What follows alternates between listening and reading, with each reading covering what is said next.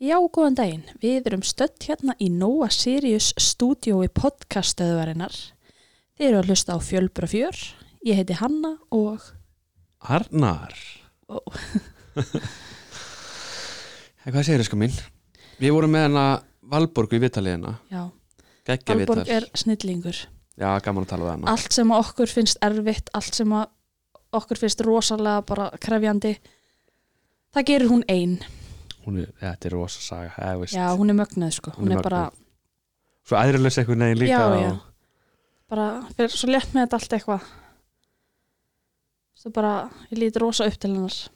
Já, ég segi það sama og mér skaman að tala við hana bara að sjá svona hvað býður okkar og Ég finnst skvíða svo oft þegar ég tala við hana Og fokk hvað er þetta sem býður okkar uh, en það var samt allavega mjög skemmtilegt að heyra í henni en við kannski förum betur inn á það inn á eftir áður en að við förum á það og kannski segjum við aðeins hvað er búið að vera að gerast í okkar lífi. Já, hann Þorri var að gera með ónæmi sem er mikið bögg. Mikið bögg. Já. Það er ekkert eitthvað svona, æ, hann var að greina snjónaði nei, það er bara mikið bögg. Ég þarf að lífa ekkjalösu lífi. Já, grindast með mjölkur Ekkerónami já Og þetta, þetta flækir hlutina svolítið Já, og nú er maður svolítið að hugsa, ok, jú, jú, mjölkurána með læknirinn sagði að það elst af honum. Líklegast, bara það er líklegast. 80% líkur að Já, og ég er alveg búin að það er margir búin að senda á mig sko að ekki á hana með gæti líka elst af honum. En svo hugsa maður að það gerir það ekki, ef þau eru að fara, að því nú eru þau þrjú, ef þau eru að fara í badnaamali og er það bara, heyrðu Þorri minn, þú mátt ekki borða kökuna. Nei, akkurat Þorri minn, þú ert að fara að fá næsti hérna með þér. Já, akkurat Þetta, Þetta er svolítið svona erfitt. Þetta er svolítið leðilegt og ef, og ef þetta eldist af hannum þá er þetta samt mikið vesið núna líka skilur, við erum með sér mjólk við þurfum alltaf að, Já. þetta er sér peli einhvern veginn, við þurfum að passa þrýf alltaf milli til þess að mjólkin sem, sagt, mjólkin sem fyrir gegnum babypressuna, við getum alveg að vera með svona stillingu þar sem að sagt, bara vatn. bara vatn, þannig að Já. kemur bara svona akkurat heitt vatn og við getum blandið, það er einfaldur okkur mikið við þurfum alltaf að passa þrýfa á milli og þú veist, það er nógu mikið að gera hjá okkur fyrir sko, þannig að þetta flækir alveg svona svolítið algjörlega. og hann en já, við vonum bara að þetta eldist af hannum Já, en ef ekki, þá bara tæklu við það. já, já, eins og allt annað sem við erum að tækla já, já, já, já. svo erum við kannski við erum nýbúin að vera að deyti líka. Það var geggjað, Það var Við geggjað. hérna- við erum já, eða þannig. samt ekki þetta Nei. var ekki nóg. Þú veist, maður, maður heldur að maður sé að fara svo út í eina nótt og maður bara svona nái að sofa upp alla þreytuna en maður nærði ekkert. Nei, við komum heim og við vorum alveg að við hefum þurft eina nótt Já, eina en þetta var samt geggjað. En við vorum alveg pínu stressuð bara upp á það að því að uh, þrýbörðin hafa bara farið í pössun í svona 20 mínútur hér og 20 mínútur þar. Og svo á kvöldin þegar að uh, þau eru sopnuð og fórum alveg, það, það er samt bara, veist, bara skeið bara réttir rundur já, en þessi nætupössin er bara nýbyrjuð bara eftir við byrjum í þessu verkefni Nei, Fattarðu? kvöld, Nei, kvöld, kvöld, já, já. þá meina ég, já, fyrir ekki að kvöld sem sagt, pössunin hefur bara, veist, í ykkur tíma að því við förum alltaf í bæinn í þetta stúdíu og hingað og mm. þetta er svona tveggja til fjæra tíma dæmi já. með aksteri, og það er alltaf bara eftir að þau eru sopnuð einmitt við hefum aldrei skilið eftir í svona langa tíma vakandi og það sem ykkur þarf að hugsa um þau þannig að Mhm. þetta var alveg svolítið erfitt. Taka morgunrútinuna og já og bara gjöf einn, það var Mhm. aldrei neitt verið bara eitthvað gjöf með þau Nei, eða þú veist, einn, meina, ég meina þú veist ekki með okkur ekki með okkur, skildi. Og þetta var alveg pínu svona, ég ætti alveg ótrúlega erf með að koma stað út. Bara svona, Pappin kom einhver tímpúti og sagði þarf ég að íta þér út um hurðina? Drullleikur út Ég held að sko já en þetta, þetta, þetta og þetta, þetta, þetta þegar alveg, mhm, mhm. Ég var líka búin að skrifa bara svaka lista sem ég sendi mömmu bara á tjattinu sko og hún eitthvað thumbs up. En líka bara að það er svo ótrúlega mikið bara sem maður þarf að passa líka bara með Ingeberg að því hann má aldrei vera einn með þeim að því hann er náttúrulega bara óviti ennþá. Einmitt. og ég var svo stressuð og en það fóð samt svo vel þau voru svo bara geggja til í þetta og bara tæklu þetta svo vel og voru svo jákvæð og Þeir eru var bara snillingar. Gera lífið okkar mjög já, einfaldaði með helling. Já, Það er líka þægilegt líka núna eftir að þeir eru búin að taka veist, nætugjöfina og næturútinina og vera við nóttina og vera með þeim öll saman og svona, þá er einhvern veginn ekki það að maður var eitthvað stressaður en þetta er aðeins auðveldar að fara núna. Nú, nú má maður heimaldum með þau. Mm og mér líður aðeins betur með það núna heldur en áður en að þau voru með alveg næstu heila sólarring já, án okkar síðast þegar við tókum upp þá, þá vorum við bara svona þú veist, vorum að fullu að koma öllum í svefnin allir sopnaðir áður en við fórum út úr húsi Mhm. en núna einhvern veginn vorum við bara búin að koma þrýburunum upp í og Ingebergur var ennþá frammi með ömmu sinni Mhm. þannig að við vorum bara, þú veist þú teklar hann bara, Mhm. þó að hann hafi alveg oft gist hjá ömmu sinna af hann alltaf og bjó, Mhm. bjóðar bara í mánu með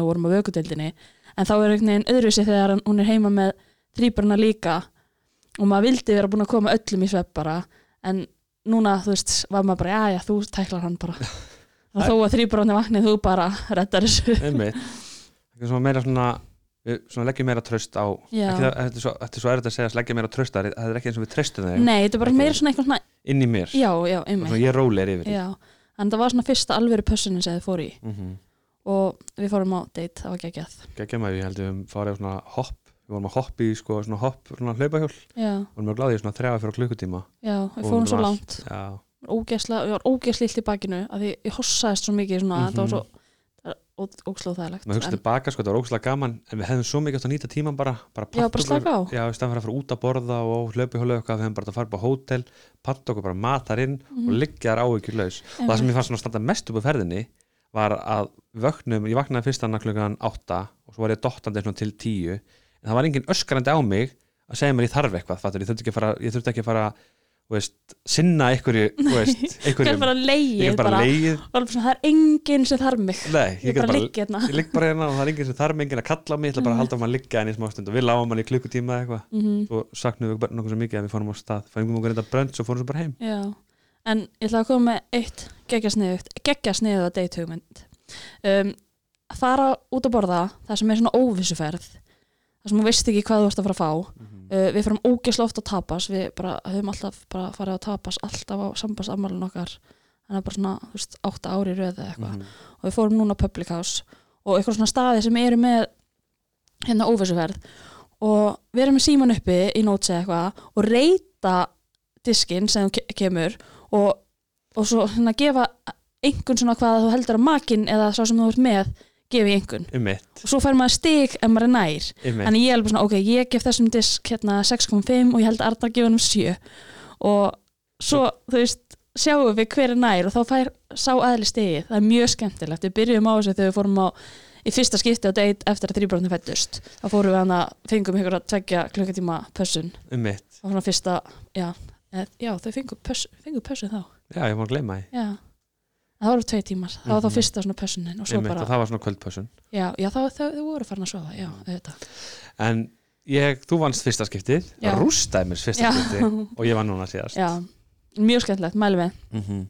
Og annað sem við höfum stundum gert, við höfum næstu búin að gera er að það fáum okkur hoppjól og við rúndum út um allir þetta var- verður náttúrulega að vera gott veður ég man við fórum samt fyrsta skiptum gerum þetta þá þurft, það var ekki orðið það það var snjór alls þar nema það búið að skafa mest, við vorum í hönskum og það var sumar, sumar götur sem við komumst ekki. Það var fyrsta nætpössunni sem Ingebergur fór í. Já, akkurat.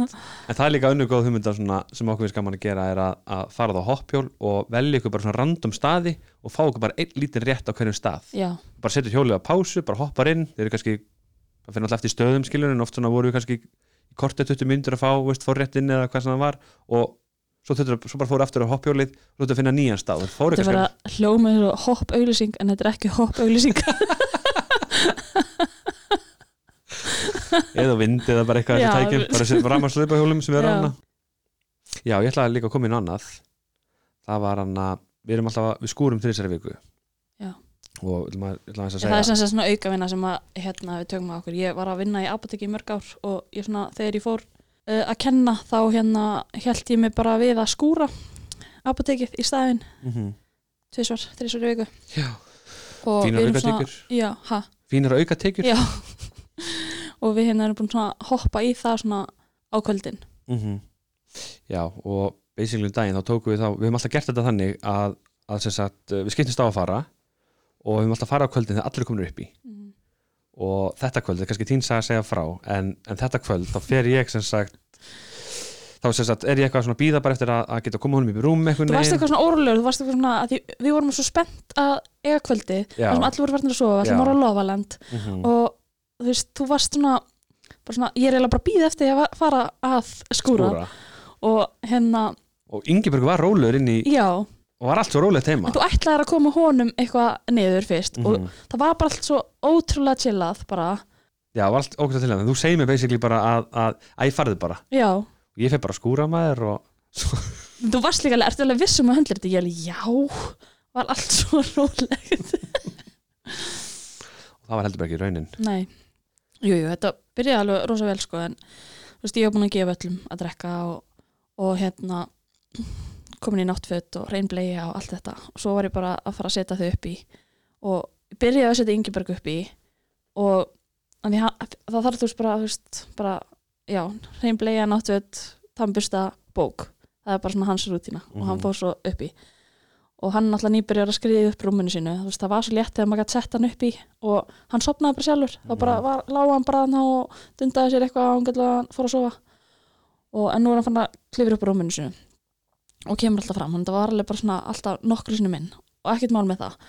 Svo fer ég að setja þrýbjörnin og þetta var bara, þau voru svo ótrúlega óróleg og þau orguðu bara öll á mig bara, þannig í sikkur rúminu. Þannig að ég var svona hlaupand á milli að setja snuttu í þennan, svo þennan, svo þennan svo tók ég þennan upp í 30 sekundur svo næsta, svo næsta.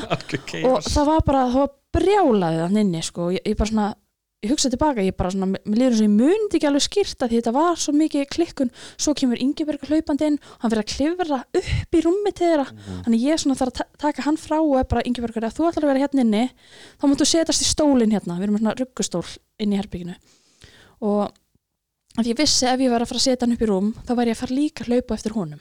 Þannig ég var bara, þú mátt setja hér í ruggustólnum. Og svo bara heldur þau áfram að gráta og ég var alltaf að taka eitt og eitt veist, upp og taka Ingeberg svo frá. Og svo stóð ég bara hana og ég fór að há gráta ég bara, það bara fossaði niður og ég var, þú veist, ég var farin að syngja þú veist, bara eitthvað dveli í draumahöll bara eitthvað ógeðslega hátt bara svona til þess að reyna að yfirgnefa gráturinn. Mhm. og svo bara fór ég að hágráta og þú ringir einmið þá bara svona rétt eftir þetta. Mhm. og bara er allt í góðu, ég alveg nei, það er ekki allt í góðu. Ég ætla að geta hringið saglum, ég er búin að að skúra tónlist í eiranum bara eitthvað að eiginlega bara svona, já, bara í hugleyslu bara eitthvað, ætla, ég man ég ætla að sækja pítsu já, lendi baka og ég bara að að ég er ekki alltaf góð og ég sækja pítsuna veist, núna eða? Það, ég veit það ekki allavega, það er bara allt, allt ekki góð hérna eitthvað ég enda allavega ekki að sækja pítsuna, ég kom bara nei, heim. ég var líka bara við skulum koma með öllum niður áður við fyrir að sækja ykkur að pítsu, ég ætla ekki að vera að bo- borða kalda pítsu og svo kemur þú náttúrulega inn og þá er bara svona eitt barn að gráta bara eins og það sé allt rólegt, það er alltaf þannig. Alltaf það var þannig. náttúrulega bara búi, ég þetta náttúrulega að klára Já. að, að henda út rusli Ingebergur reyndar var ennþá ekki sopnaður og ég að Bjartur hafi verið grátandi líka. Já, en þetta var bara, þetta, þetta var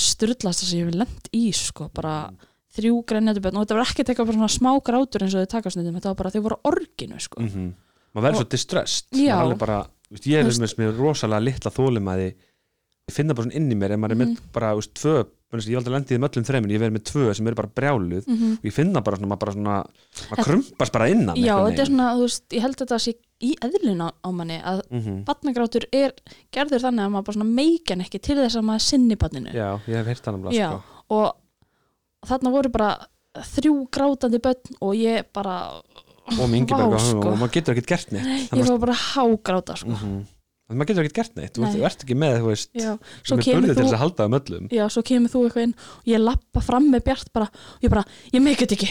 Ég make it ekki. Og að fara að setja Bjart í ró- rólinu og þú bara eitthvað hei, ég skal taka við. En þetta er samt svo eðlilegt líka. Já, algjörlega, maður er bara mannlegur. Algjörlega en það er líka bara gott að tala um svona erfiðu hlutinu líka. Þú veist, þetta er ekki bara dansa rósum endalaust. Einmitt. Og það er mikið.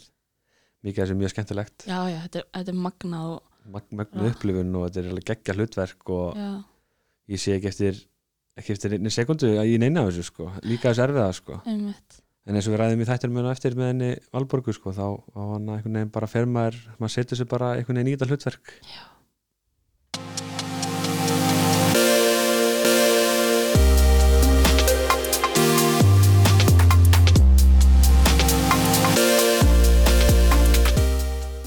Valborgröð er komin til okkar og við kannski byrjum á því að heyra hvernig þitt barn egnar ferli byrjaði.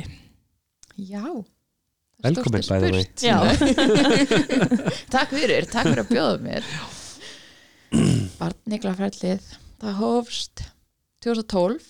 Það var svona ákveði að egnast barn einn og þetta var svona ákverði sem að þarf aðeins svona melta, þú veist, að ganga með veist að þetta er alveg stór ákverðin þannig að svona í 2013 þá fór ég að vinna í þessu.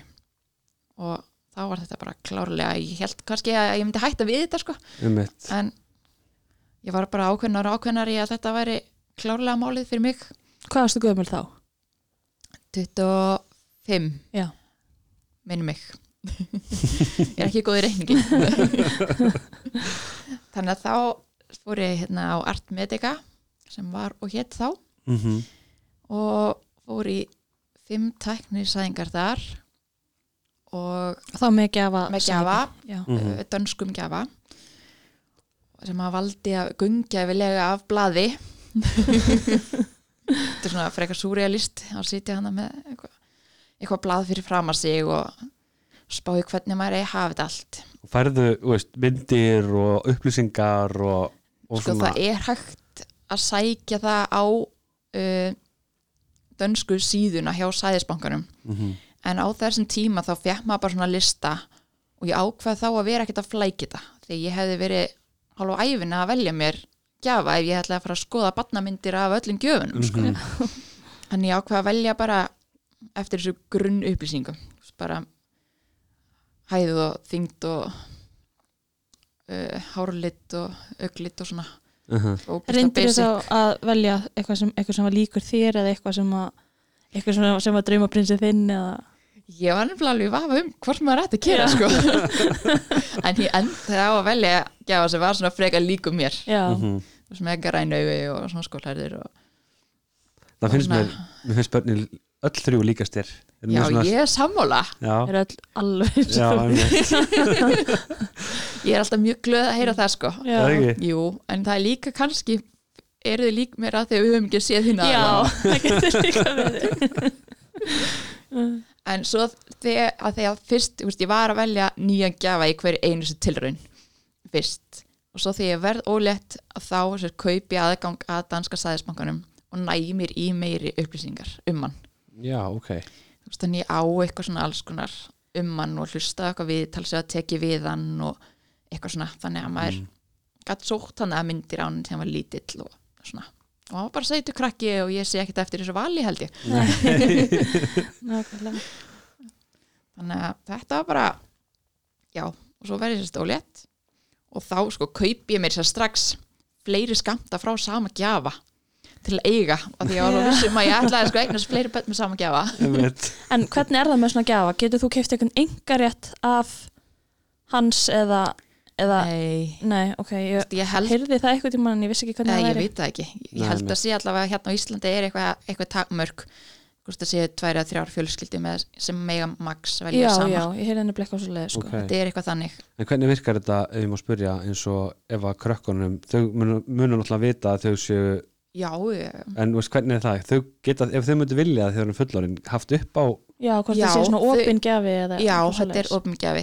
Þegar þau verið átján þá megaði vita hver hann er. ok, Ég mun samt potta ekkert stinga upp á því sko að þau Nei. fari bara til Danmerkur og standi bara á tröppunum hjá. Nákvæmlega. Alls ekki, en Nei. bara sjálfsagt. einmitt, ok og ég hef enga þörf fyrir að hérna, það eru svona hópar eins og Facebook og svona gjafa hópar, það er hægt að finna fólk sem á börn með sama gjafa. Og margir horfa á þessi sem sístkinni Já, fyrir mér er þetta það ekki. Nei, þetta þetta er ótrúlega veist, ég horfi bara á þessi gjafa og ég hef enga þörf fyrir að skrá mér í svona hóp. Nei. og mér finnst það bara þetta er bara mín börn en ég vil ekki taka valið af þeim. Mm bara þegar þau verða eldri þá með að þau velja fyrir sig. Algjörlega. Þannig að þau geta að leita að þessum svo kölluði hálfsískinnum eða gjáanum eða hvað þau vilja sko. ég held að það er svona spes að vera gaurinn sem að fór í, í já, þú gæti alltaf einu átt bara einhver hundra börn sko. akkurat. Já, svo alltaf fyrir bara líka börnum að mæta tröppina heimdín og þú veist ekki neitt. um mitt, þú veist, þau hafa samband á Facebook eitthvað, ert þú gjafinn? Þú veist, þú sæði þú varst átján já, fækst að vita hvað já, veist, ég man ekki hvað var gammal en þú veist, þetta er svona þetta er oft held ég svona frekar ungir strákar sem eru til dæmis bara að fá pening til að borga skólagjöld eða eitthvað. Um mitt svo er ótrúlega skrítið, þá skilja ég kannski eftir að hann sé opingjafi og svo, svo er kannski alveg margir búin að nota þá Einmitt. sæði frá honum. Um mitt og allir koma bara eitthvað fullt af krökkum. Já, en svo er náttúrulega bara, er þetta valkrakkana það er ekki allir sem að vilja, um mitt þú veist, vita hver gafin var. Nei, ég horfi bara á þetta sem eitthvað svona frumur sem að þú veist Algjörlega. skipta okkur kannski ekkert svo brjálega máli sko. Mhm. nákvæmlega, en þeirra er valið. En ég Algjörlega. hef einhvern veginn ekki þörf fyrir að vita meira sko. Nei, ég er bara góð með þau og það var bara algjörlega. sko. En já, þú svo verður þá ólétt þarna, hvað, 2013 Nei, já, byrju, 2013 byrja ég og fyrir hann 2000 í fimm uh, tæknifrökanir og já, 2014 verið ólétt júni 2014 já, þá var ég ólétt af Pétri Emanuel og hann fæði semst andana eftir tæpar 30 vikur já, í desember. Samhryggist já, takk fyrir. Og hérna, það var svona það bara óendur endir. Það átti náttúrulega ekki að fara svona og átti að vera allt öðru í sig já, ræðald að heyra maður sér þetta fyrir sér einhvern veginn maður er einhvern veginn strax með svo mikla væntingar sko, algjörlega. Fyrir að plana fæðingar og lofið og allt sem þú ætlar að gera með barniðinu og, Mhm. og gera og græja fyrir barnið og svona. Þannig að þetta er svona, já, tekið mikið á manni sko. Já, algjörlega sko. Já, við erum útráðulega heimsækjan í kirkjugarðin Já. um mitt já, Já. heim, halda svona minningunni lifandi sko. Algjörlega. Og bara algjörlega fyrsta barnið mitt og bara barnið gerði með mömmu og bara veist, algjörlega Mhm. máli sko. Það er svona, fyrir mig allavega að tala um þetta og svona, og það Mm. er bara sjálfsögða hlutur sko og við erum alveg myndir á honum upp á vegg og svona og og þegar þú alveg búin að útskýra fyrir þá þrýburunum að já, það er þau litli bróðir og Og stóri ég- bróðir minna. já, þú veist, bæðilega mér finnst, fyrir mér þá er hann veist, lítill og þeim að þegar við erum bara myndir á honum litlum, um mitt en samt er hann stóri bróðir mm og svo er hann samt í kirkjugarðinum en er samt líka upp í himnum og svo er eitthvað svona, já, kannski er hann með vangi og kannski er hann að fljúa og svo er hann svona með okkur en samt ekki, þetta er mjög flókið þegar maður er sko fjár ára. Ég er útskýra þetta fyrir krökkunum Mhm. mínum sko, þá svona þau eru ekki alveg að kannski að tengja. Skil ekki aft svona á myndunum, akkur er mamma með þessu bandi á myndinni. Mhm. en þetta er svona en mörgum finnst þetta óviðandi og veist, maður fær all, alls konar viðbröð sko. í alvörinni já, mörgum fannst það mjög skrítið fyrst sko. en svo einhvern veginn held ég að fólk sem þekki mig og kannast við mig hafa bara svona ok, þetta er bara normið núna Mhm. þú veist, og ég held að það hafi svona síðustu bara ár, þú veist, síðustu 6 ár hafi bara frá þessu, hafi þetta bara aukist mjög mikið Mhm. og fólk er svona fólk er að opna sig miklu Mhm. meira í dag einhvern veginn, einmitt Þannig betur að- fyrr já, ég held að það sé bara mjög jákvæmt sko. Mhm. en þetta er bara þetta er náttúrulega bara partur af lífinu eins og fyrir mjög fallegt að það er vera líka að kenna þeim og stóttu þessu svona ung að reyna að útskýra og svona. Þetta er, bara, þetta er bara partur af að vera human being sko. Nákvæmlega. Það og þannig. svo einhvern veginn margir sem bara finnst það með ekki tala um að börn deyja og það endi ekki alltaf meðgöngur vel og þú veist, þannig er þetta bara. Það Akkurat. endi ekki alltaf meðgöngur vel og þú veist, fólk deyr og gamalt og bara á öllum stigum. Algjörlega og svona, maður finnur líka eins svona á eldra fólki, þú veist, í dag sem eignaðist andana börn eða börn dói fæðingu eða eitthvað, að þau voru bara tekin og fólk fekk aldrei að sjá þau aftur og vissi jáfnvel ekki hvar þau voru jörðuð. Og það er það er, það er hræðilegt. Ok. en að þetta er svo svakalega stór partur af manni Mhm. þú veist, ég alveg bara enda í dag að bara hugsa ég um Emanuel á hverjum einast degi og bara hann hættir ekkert að vera partur af manni sko. Nei, nákvæmlega. Þannig að, en þarna var bara var ég ennþá ákveðin er ég bara að standa upp þessi sígu og var einhver tíman sko. Þannig að bara þrjá mánuðum eftir þá held ég áfram. Og fer aftur í þrjár tæknisæðingar hérna á Íslandi. Svo fannst mér einhvern veginn þegar að fá aðeins betri þjónustu og eitthvað aðeins meira út úr þessu.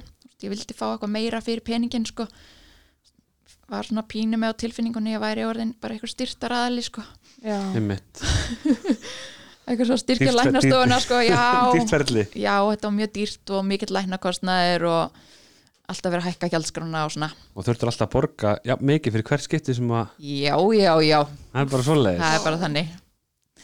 Þannig að lífi líka á svona þú veist, þetta safnast saman. Algjörlega Þú veist, hver barn verður getur orðið hansi dýrt þannig að þá ákvað ég að snúa mér til Danmerkur og fór í glasafrjókanu þar uh, fjóru sinnum Fórstu aldrei í tæknisæðingu það, fórstu bara beint út Nei, og í þá fór glasa ég bara beint í glasar þá var hitt bara full reynd að mínu mati sko. Ég vildi bara fá að auka líkunar til muna sko. Mhm.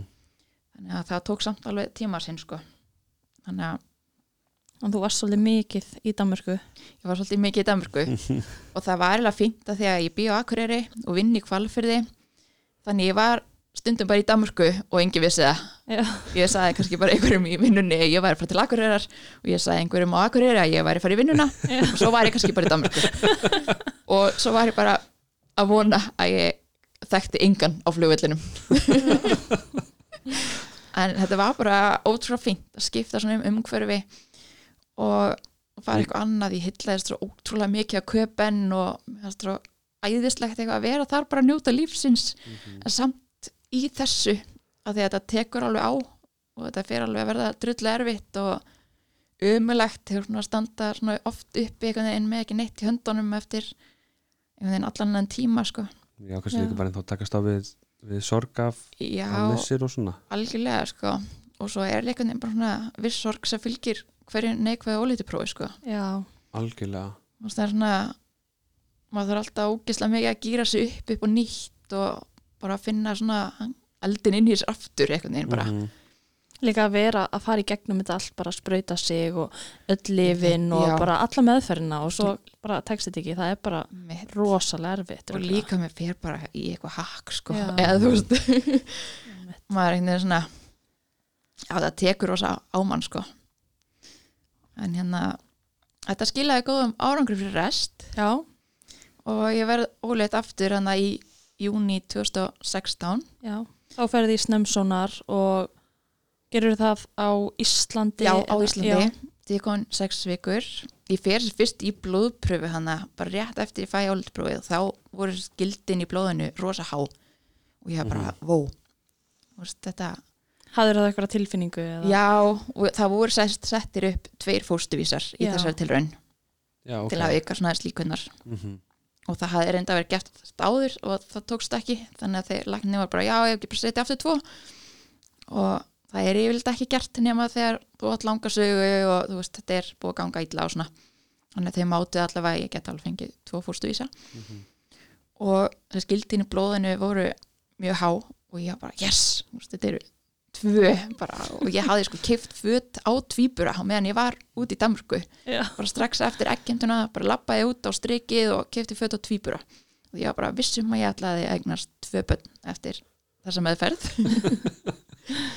Og ég eitthvað nefn bara ok, bara gýraði mig upp í þetta en svo fór ég snemsonar þegar kom sex vikur. Og þá er bara eitt. Og ég eitthvað, ert alveg viss ok, og bara ég finn alveg svona í pingu svegt sko, Já. Ég var bara bara ógislega eins og sem að missa bara ógeðslega eitthvað- gýruð í þessi tvö sem ég hafði ímyndað mér sko. Einmitt. Mhm. og hann er bara ótrúlega þakklátt fyrir að vera allavega með eitt þú veist, það var allavega eitt fóstur hana og hjarsláttur og bara geggjað Einmitt. og hérna þannig ég bara, bara var mjög sátt við það Mhm. og svo að því ég kom sjö vikur hann að viku setna þá byrjar að blæða. Og ég ringi úr vinni hana og í læknum minn. Fórstu ekki bara í panik? Jú, algjörlega sko. Það eftir bara. allt þetta og loksins þá ólétt og Já, þá og þú veist, ég var bara í vinnunni að hræri í potti, skilur, þetta var í svo bíómynd, svo bara byrja blóði bara að fossa þarna niður, ég var bara, Já. oh my god, bara ég að líta á gólfið eða þú veist, það er bara stendin og eitthvað í blóðpolli, sko. Þannig að þetta var svona smá panik ástand, sko. Mhm. Þannig ég eitthvað ringi lækni minn og hann var svo frábæra og hann láta mig fá símanúmeri sitt og allt, þannig að náði hann hvernig sem er. Mm. og hann er hann út að smíða girðingu heima hjá sér. Og, og ég það er að byrja að blæða og bara, hann bara já, heyrðu, ég er bara komin eftir smástund þannig ég er bara brun og vinnunni og hitt hann á stofinni og hann bara mætti bara strax. Hann mætti bara úr sumafrínu Bara í smíðagalanum og... já, já, já, bara algjörlega dásamlegt sko. Og það er bara í lægi með allt. Og en þá bara þessi inn í hérsláttur og kom engin skýring á þessari blæðingu og það bara hætti strax að blæða aftur og Engin skýring? Nei, í rauninni Ok. ekki. Og það bara, ok. Ég bara rosa glöð og bara en samt alveg stressuð. Mhm. en það var svona mikil vinnutörn framönda þarna og svona erfið vinnunda framöndan þannig að við svona ákveðum að ég færi í, í smá frí. Svona í eina tvær vikur. Og þannig ég fer bara heim til Akureyrar og hefða kósi. Og fer í sónar þar aftur þannig að viku setna þegar kom átta vikur. Og það er bara ennþá í lagi með allt og alltaf þetta eina fóstur. Einn hérsláttur, eitt fóstur. Já, já, já. Og ég bara rosa glöð með það og, og þarna var ég bara algjörlega bara ok, þetta er bara eitt barn og þú veist, þetta er bara að ganga vel. En þarna fer ég sérst inn í áhættum mæðravend á landsbítalanum vegna fyrir sögu og þá er konn tíu vikur því ég fer þangað og heiti eitthvað lækni þar og ég bara spjöllum eitthvað og svo bara gerir hún sónar og bara leiðu hún setur sónartækið þá eru tvö bönn á skjánum og ég bara oh my god, það eru tvö bönn og svo hún segir eitthvað, já nei, býta aðeins.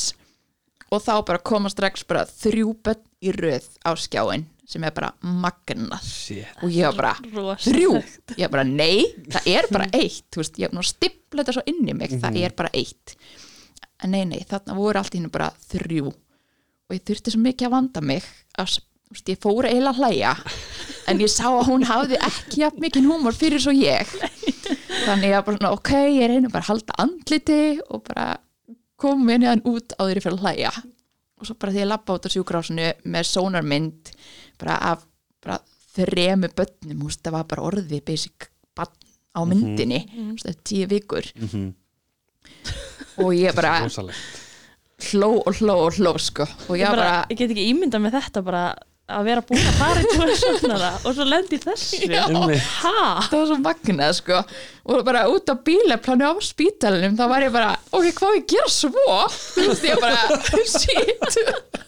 Bara ykkur gæðsræðingu og bara. Þetta var algjör geðsræðing og ég var bara, ok, ég er bara ykkur paniki eða þú veist, samt ég var bara eitthvað með svona tilfinningur bara, ég vissi að ég hafði gett rétt fyrir mér. Mhm. en það var ógeðsla fyndið og ég byrjaði bara eitthvað að ringi vinkur mína og ringi mömmu og ég eitthvað svona bara með þrýpura og ég segi eitthvað mömmu eitthvað já. Hún eitthvað já hvernig gekk þetta? Bara eitthvað gekk þetta vel? Ég eitthvað jú en veist, ég held að ég þurfi kannski að köpa mér stærri bíl. Hún eitthvað ha? Já og svo kannski þarf ég að fá mér auper hún eitthvað hvað meinaru og ég eitthvað já bönnin eru sko þrjú.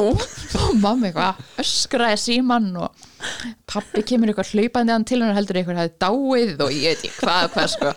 Þú veist ég svona pínu eftir á sé eftir að sagt þeim þetta strax þú veist ég hefði þetta þegja, ég bara gata ekki. Nei, þetta er svo mikið bara að maður fer bara í eitthvað að- vót í hausnum maður er bara maður hugsar ekki, það bara Nei. gerist eitthvað ég hefði bara átt að, það verið svo miklu skemmtilega að koma heim og segja um Mhm. Einmitt. Þú veist, en Sjá var- viðbröðin svona og já og Já. þú veist bara eiga þetta á vídeo skilur Einmitt. en ég var bara hann að skrepp úr vinnunni í eitthvað venjulegan sónar og held bara ég færi bara strax aftur í vinnuna og, sem ég gerði sko en, en þannig að því ég kom í vinnuna þá bara gat ég ekki það að heldur lengur Nei. ég bara á hvað kæfta þessu bara? Ég var sko komið kúlu. Alveg, það var bara svo strax á mér og ég var að vera á mjög mikið að styrum til að halda lengst og alla glasa meðferðina Mhm. og þannig ég var með mjög mikið bjú í andlitinu og svona og, og fúst, fólk var að spyrja mig hvort ég hefði verið í sko endajaksltöku ég leit það illa út sko eftir öll þessi lif og allt þetta rugl sko. Þannig að þarna bara gafst ég upp ég var bara laði spilum bara strax á borðið það vissu allir þegar kom tíu vikur að ég var alltaf þrýburum það var bara ekki hægt að þegja lengur. Hver voru viðbröðin bara hjá fólki bara, þú veist, eins og vinkoninum og eitthvað voru ekki bara allir sjokki? Jú, ég veist, fólki fannst það bara eitthvað klikkað sko. Já. Þú veist, ég stundar svolítið bara að sína fólki myndina í símarum mínum og bara bara sjáðu og fólk bara ha, býtu, og horfði eitthvað á þetta og þorði ég ekki að segja neitt að því ég held bara að vera að sjá offsjónir held ég. En hérna, nú eru þau stelpunar eru einægja Já, og svo er hann. Já, ég bara fatt ekki alveg veist, sá, sáust þá þær ekki og áttu síðan eftir að skipta sér eða já, um mitt það hefur verið sko, hann sem sást alltaf Já. að því hann var stakur og svo Mhm. voru þær saman. Einmitt. þannig að bara allt í einu byrtust þær þrjum ár Já. henni þið skýru lofti bara Við erum minna líka. Klikkað sko. Bara guð, guð algjörlega. Mm en hérna, já, En mér svo fyndi svona að því þú fórst að tala um hann að viðbröðin hjá lækninum.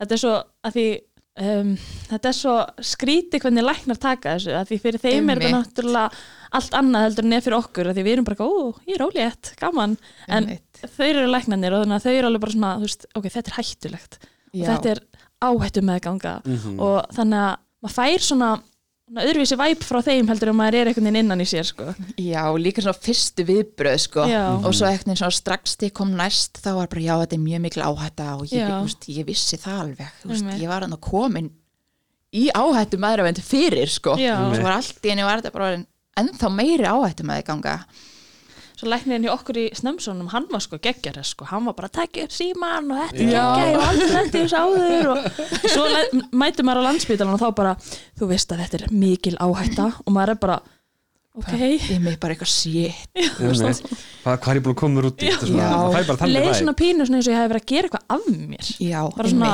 eins og að verið verið að skamma mig. Og bara halva ég get ekki að þessu gert. Akkurat en já, hvernig gekk svo meðgangan og þetta Allt gekk svona- bara ótrúlega vel. Svona í rauninni fór ég bara líkamlega sé mjög vel út úr þessu. Ég bara, það var í rauninni ekkert að mér sko, nema að mætti kannski vera bílastæði aðeins nær já, hvenna deildinni það á landspítalanum sko. Þannig í lokin þá var ég alveg bara mætt bara lungu áður en ég þurfti að mæti sónar eða eitthvað að því að það gæti tekið endalust tíma bara að finna bílastæði ógislega langt frá og ég var svo eftir að lappa alla leið. Maður Já. búin á því að maður komst veist, inn í forstofuna bara.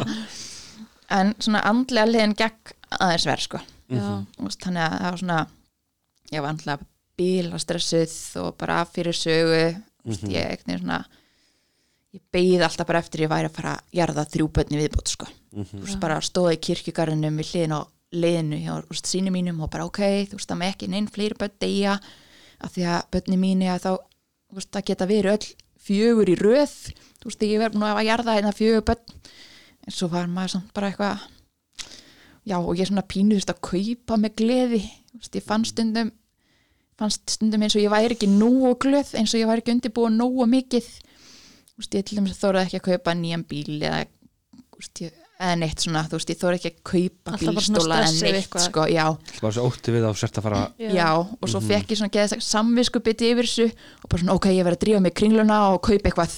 Þú veist, og fór að, þú veist, að kaupa áður föt eða eitthvað svona bara til að kaupa mér í rauninni gleði og kaupa mér svona eins og ég væri geða spennt, þú veist, ég var geða spennt en ma- maður var svona kannski erfitt líka því þú ert nýbúin að gangi gegnum bara Já. ótrúlega erfiða hluti og svo algjörlega, er gleðin ofan á það og svolítið erfitt að vera að mixa þessum tilfinningu saman. Já, það var bara svona tilfinninga rúss í banni, sko. Já. og með, þú sagðir á styrasprötum og hormónur alveg Já, út og suður og, algjörlega sko.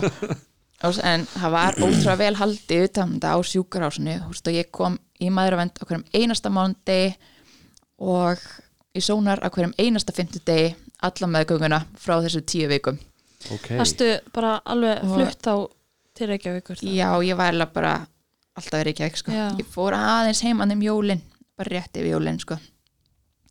ok en áttu, áttu eitthvað fjölskyldi eða eitthvað hér sem á að stjá eða Nei, eiginlega ekki sko, þetta var mjög skröðlegt ég var stundum á sjúkrahótelinu stundum í ykkurum íbúðum sem barnaspítalinn átti ef að það var laust og á dínu heima hjá bróða mínum sem Já. bjó á stúdendakörðunum ok, eða heima við vinum mínum þetta var, ég bara bjó í tösku alla sem meðgöngu það er rosalegt, gangandi með þrýbura Já. Já, þetta var svona Vá.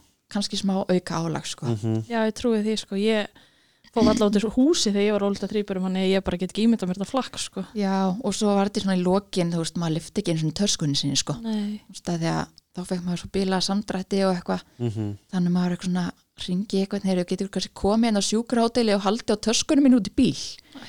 Þú það er eitthvað ógæslega asnalegt eitthvað samt eh, maður bara redda þessu sko. Já. Þannig að það var vel haldið utanum þetta og þú veist, þetta gekk allt bara og hvað náður að hvað náður að ganga langt með þig? uh, 33 vikur. 33 vikur. Já, það er bara næstu eins og þú. Já, næstu eins og hún. Þannig það var bara stafast endan á eitthvað 34 en eftir 33 árs höfðu þau ekkit stækka í viku. Plássi var búið. Ég var ég mun bara aldrei skilja hvernig þrjú börn passa inn í eina konu. Ekki ég heldur. Aldrei. Ég bara mun aldrei skilja hvernig þetta komst allt fyrir sko.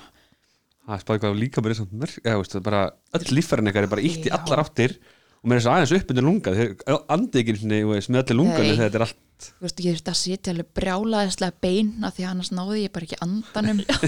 Og þú veist, eitt barni lá svona þvert undir rifbeinunum.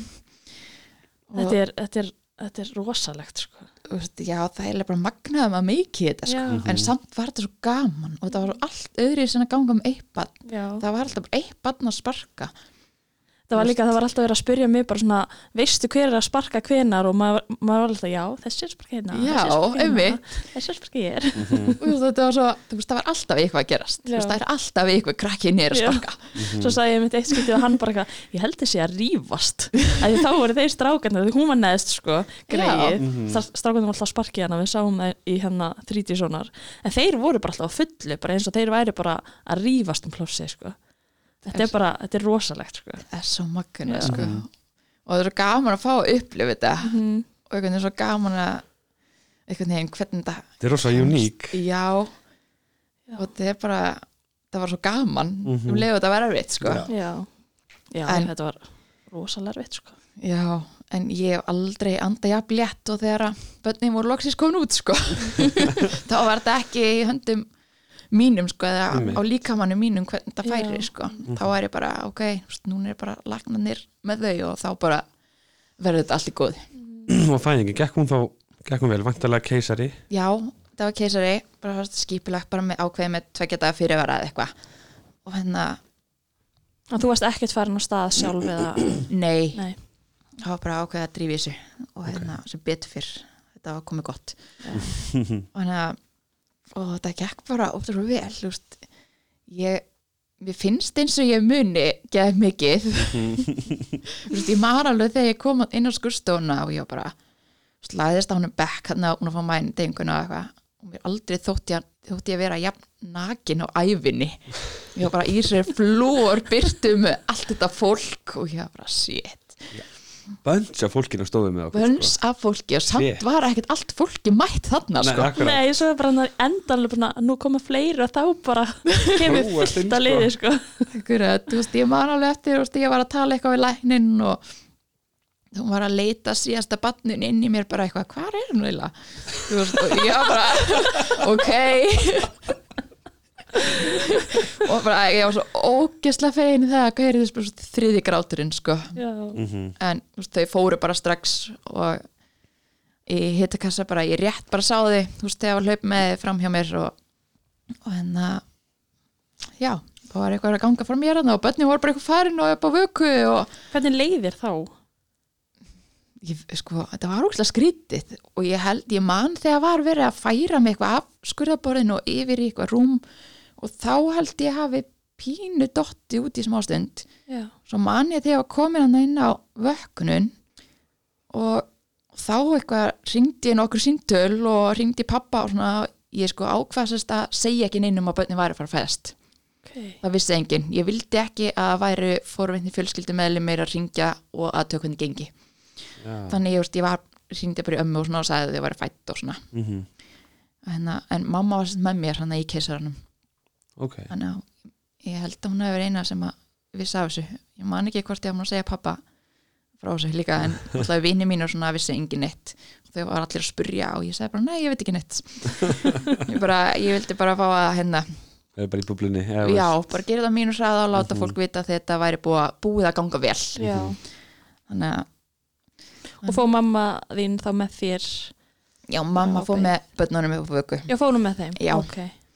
Mér fannst eitthvað svona, það var svona góð tilfinning eins og með okkur, þú veist, að vita að það er einhver með þeim svona sem Já. ég tristi. mitt hún tók nokkana myndir og kom Já. niður og síndi, eða kom til mín og síndi mér og svona en svo eitthvað var þetta eitthvað hafari þarna þarna eitthvað fylltist hérna leiðið aftur og alltaf blóði og þarna dætti algjörl út þarna var bara eitthvað dælt í um verkefliðum kom fullt að læknum og eitthvað hlaupandi að að nóða á með magan og þetta var eitthvað hræðilegt. Ok, Þannig að varstu einhverja lífsættu eða? Nei, nei, nei, en en, svoleiðis, ok, þe- þessi sásriki var fárónlegur þetta var eitthvað annað sko. Okay. þannig að þarna datt ég alveg út í einhverju lifimóki þannig að það var svolítið lang, leið svolítið langa tími þá til ég fekk að sjá þau. Já út af þessu. Út af þessu, þannig að kom eitthvað annað upp á þannig að og ég hef ekki hugmynd um hvenær ég fekk að sjá þau sko, ég mani ekki neitt þannig var ég bara, já. En fyrsta skiptið sem þú fórst að segja, fórstu í, í sjúkrarúminu? Var það rúlað svona upp, bara- upp yfir já, bara rúlað til þeirra sko. Já, þannig að það var, absúrt tilfinninga að koma í fyrsta skiptið upp á vöku og vera með Já. þrjú stykki hana og, og og svo veist, verið ég ekki viss átti bara alla dildina, þú veist, það er bara eitthvað þrýr hittakassar í röð og ég bara, shit, já, þetta allt. Já. svo er rúlað milli tveggja og eigið smá tíma með þeim og þá fyrir samvinskupið að, að þú veist ekki að, að tala við heitt sko, Já. en þeir rúlað og fært á milli þeirra. Já, Svona var Við vorum alltaf svona sikkur meinalega eigum við að skipta núna? Þetta er ógist að skrítið. Já, en betur fyrir að voru þeir mjög stutt í hittakassa þeir voru bara sólring eða eitthvað í hittakassanum Nú, ok, já, þannig þeir fóru bara eiginlega strax saman í vöggu og hvað fættu þessu stór? voru eða þung? Já. 5, 6 og 8 merkur ok, þannig að voru úst, eiginlega léttasta barnið þurfti minnst hjálpina fyrst já, ok Já. það er 1200 og, 1250 um það vil já, mm okkar voru líka komin úr hittaklassa eftir 1-2 daga nema Bjartur já, hann var lengst Já. Mhm. Já, mitt. En fannst, fannst þér ekki skrítin tilfinninga að vera hana með börnið þín og Jú. þurfa að spurja veist, hvort þú meir halda þeim, hvað þú meir og hvernig þú mátt að prótsa þín eigin börn? Jú, einmitt. Maður er eitthvað svona, svo- má ég snertana Einmitt. eða þú veist það var útrúlega skrítið. Mm en samt var þetta svo fljótt þannig að maður bara hugsaði sjálfur um batinn sitt. -hmm. mér fannst það líka svona ég veit ekki alveg hvað ég var með í hugan ég held einhvern veginn að ég væri að fara að horfa á batnið mitt í heit, batnið mín í hitakassa svo lengi. Og ég var bara, ha, ég var strax að vera í vöggu. Þannig að það var ótrúlega gaman einhvern veginn, hvað þetta gekk allt ótrúlega vel og var, var búið undirbúið þig eins og okkur? Ég man eins og við fengum, við vissum náttúrulega að við myndum verið vökudeld í já, ykkur tíma. já, þannig að þú fegst að heimsækja deildina. Já, ég var búin að fara á skoðana og svona, já, Það er svona það þægilega við það því að flestir sem lenda vökudeild það er kannski bara fyrirbura það sem er ekkert vitað að barni verði fyrirburi en þegar maður gengur með þrýbura þá er eiginlega bara 100% að þú verðir Mhm. fyrirburi Já. þannig að svo það er að vera búin að skoða það munaði ótrúlega miklu, Já. þú veist, varst búin að fara þarna og hitta fólk og þú veist, sjá hvernig það gengur fyrir sig og svona já, akkurat búið að kynna fyrir þér svona hvað hva væri, þú veist, fyrst ferð hingað og svo ferð þarna og, og svona, Mhm. líka bara að hérna þú veist, svo maður fá ekki sjokkið að sjá allar þessar snúrur og leiðslur og sondu og æðalegi og þú veist, þetta það er örgulega skrítið ef maður lendir bara svona allt í hennu vökudeild. Mhm. algjörlega sko, þetta er alveg stórt, eða þú veist algjörlega. þó að þetta sé sko eiginlega svona heimilislega stemningana Mhm. að þá er þetta samt alveg það er líka svo miklu fagmenn sem vinna hana já, veist, það er hugsað vel um, um börnin og fóreldrarna sem eru að koma hana með veik börn sko. bara Ég- maður algjörlega. Er bara, maður er bara að glappa hann inn og ég fekk aldrei svona ónóta tilfinningu eða neitt, bara ljósmaðurina er bara svo miklu fagmenn, þeir bara gripa einhvern veginn gripa okkur einhvern veginn og svona algjörlega sammála. Mér finnst það bara magnað. Og þegar það getur líka alveg tekið á að vera með pötna vökudeild þú veist, mm mhm, sérstaklega, þú veist, maður ná sér eftir keisara og svona. Og ég var alveg orðin að pínuna óþúlum á sko, því að mér fannst bara eins og ég ætti að stökku upp úr rúminu og daginn eftir og bara ekkert mál og ég ætti bara að fara að gera allt sjálf. Veginn einmitt virkaði þetta ekki alveg þannig sko. Nei, ég ætlaði að mynda bara að spyrja þig hvernig það var að því að ég man að ég satt bara heil lengi bara í þessum leysubói stólanna og Arnar Já. rétti mér alltaf börnin og, en þú varst náttúrulega ein þú veist, Já, mamma með eða- mér að fyrstu held ég fimm dagana. Já, og þá lá ég líka hann inni þú veist, hann að ganginum á móti sængulegunni já, Mhm. en svo bara einhvern veginn, þú veist, þá var ég samt ennþá hringi bjöllinni við þurfti að standa upp eða snúa mér eða eitthvað.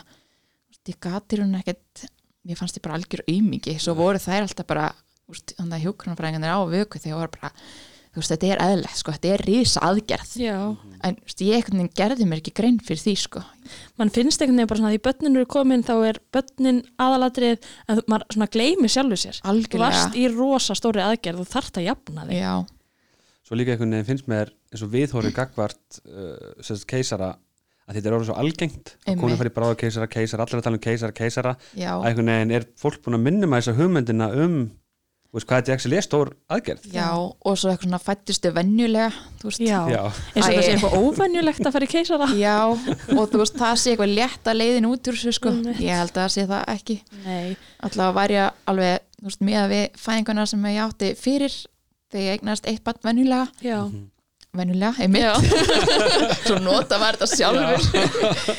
En að þá þú veist, ég var miklu fljótar að ná mér eftir það heldur en Já. nokkuð tíman eftir þetta sko. Ég fann ekki ungutur eftir tvo daga sko, Já, með veist. Ingeberg sko. Já, nei, nei, þá bara rétt gæti ég sko lappa bara gangin og enda á sjúkrásinu sko. Já, Mhm. og það eiginlega bara ekki. Nei, ég var bara í hjólastólan sko, líka. tíu daga eða eitthvað sko. Já, mitt þetta var alveg pakki sko. Mhm.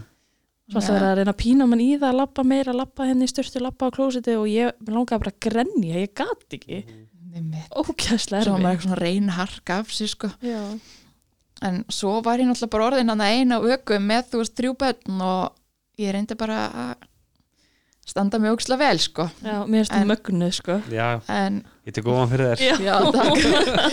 en uh, þetta voru allir svo ótrúlega bóðinir og búinir að hjálpa sko. Mm varstu, Þegar varstu á vöku, varstu uh, varstu á sjúkrátulun eða varstu bara veist, nei, ég nefnilega, þetta er sjúkraá til hann að nýja sem er komið núna veist, Já, það var var það ekki, Nei, okay. þannig að maður bara útskrifaðist. Það er ætla að útskrifa með hann af sænguleitildin hann eftir fimm daga. Og þá sögðu hjúkunar á vöku bara nei bara alls ekki, þú veist, hún getur ekki labbað, þú veist, þannig ég fekk tvær auka nætu þar sem gerði alveg mikið, en svo var ég bara heima á vini mínum og heima á bróðum mínum eitthvað hann ekkert fjölskyldherbyggi eða þetta er bara, nei, þetta er bara það flokka var milli? eitthvað þau voru eitthvað upptekinn það eh, voru heldur bara tvö herbyggi sem var hægt að vera í. Okay. það var bara upptekið nefn helgar þá fekkist nefn að gista þar.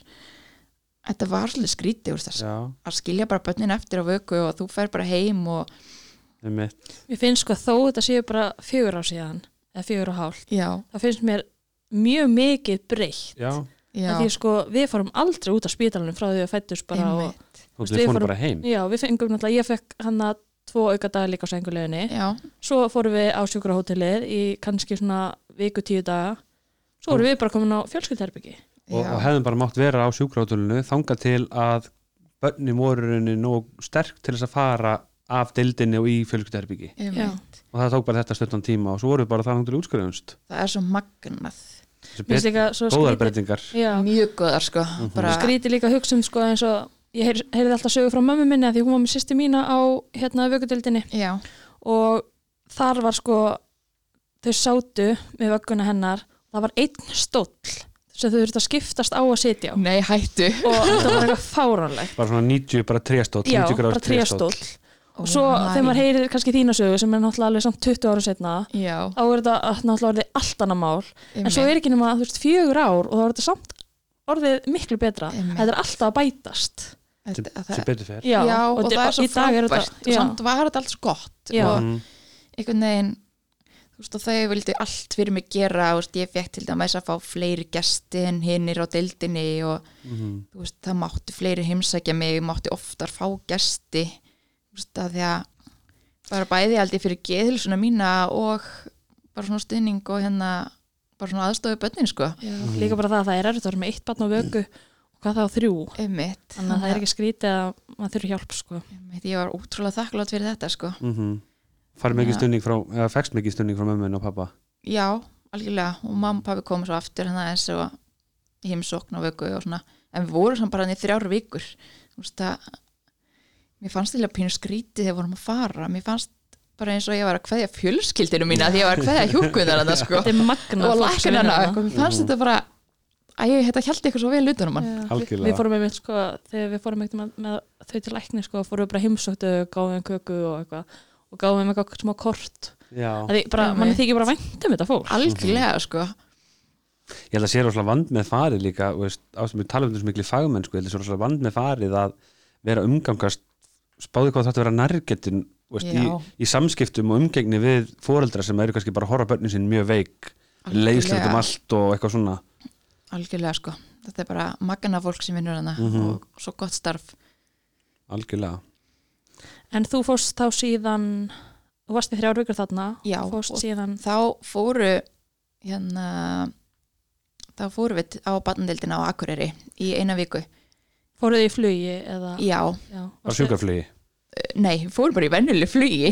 Varstu Nú, með eitthvað til að hjálpa þér? Já, það komu tvær hjúkur með mér. Já, Já. hjúkurna fræðingar Jaha, já, ok. Og ég var á það magnað. Og það var, magn- það var æði. Já, Já, Þú veist, það er bara sá um allt. Ég þurfti ekki að gera neitt, þú veist, það er tekku okkur inn og það er bara, þú veist fengur sæt út um allt í flugvölinni og það er bara letu alla í flugvölinni færa sig og bara, þú veist, þetta var magnað og en, veist, ef við hefðum verið hérna í Reykjavík þá hefðu við veist, útskrifast uh, og þá bönnum með sondu.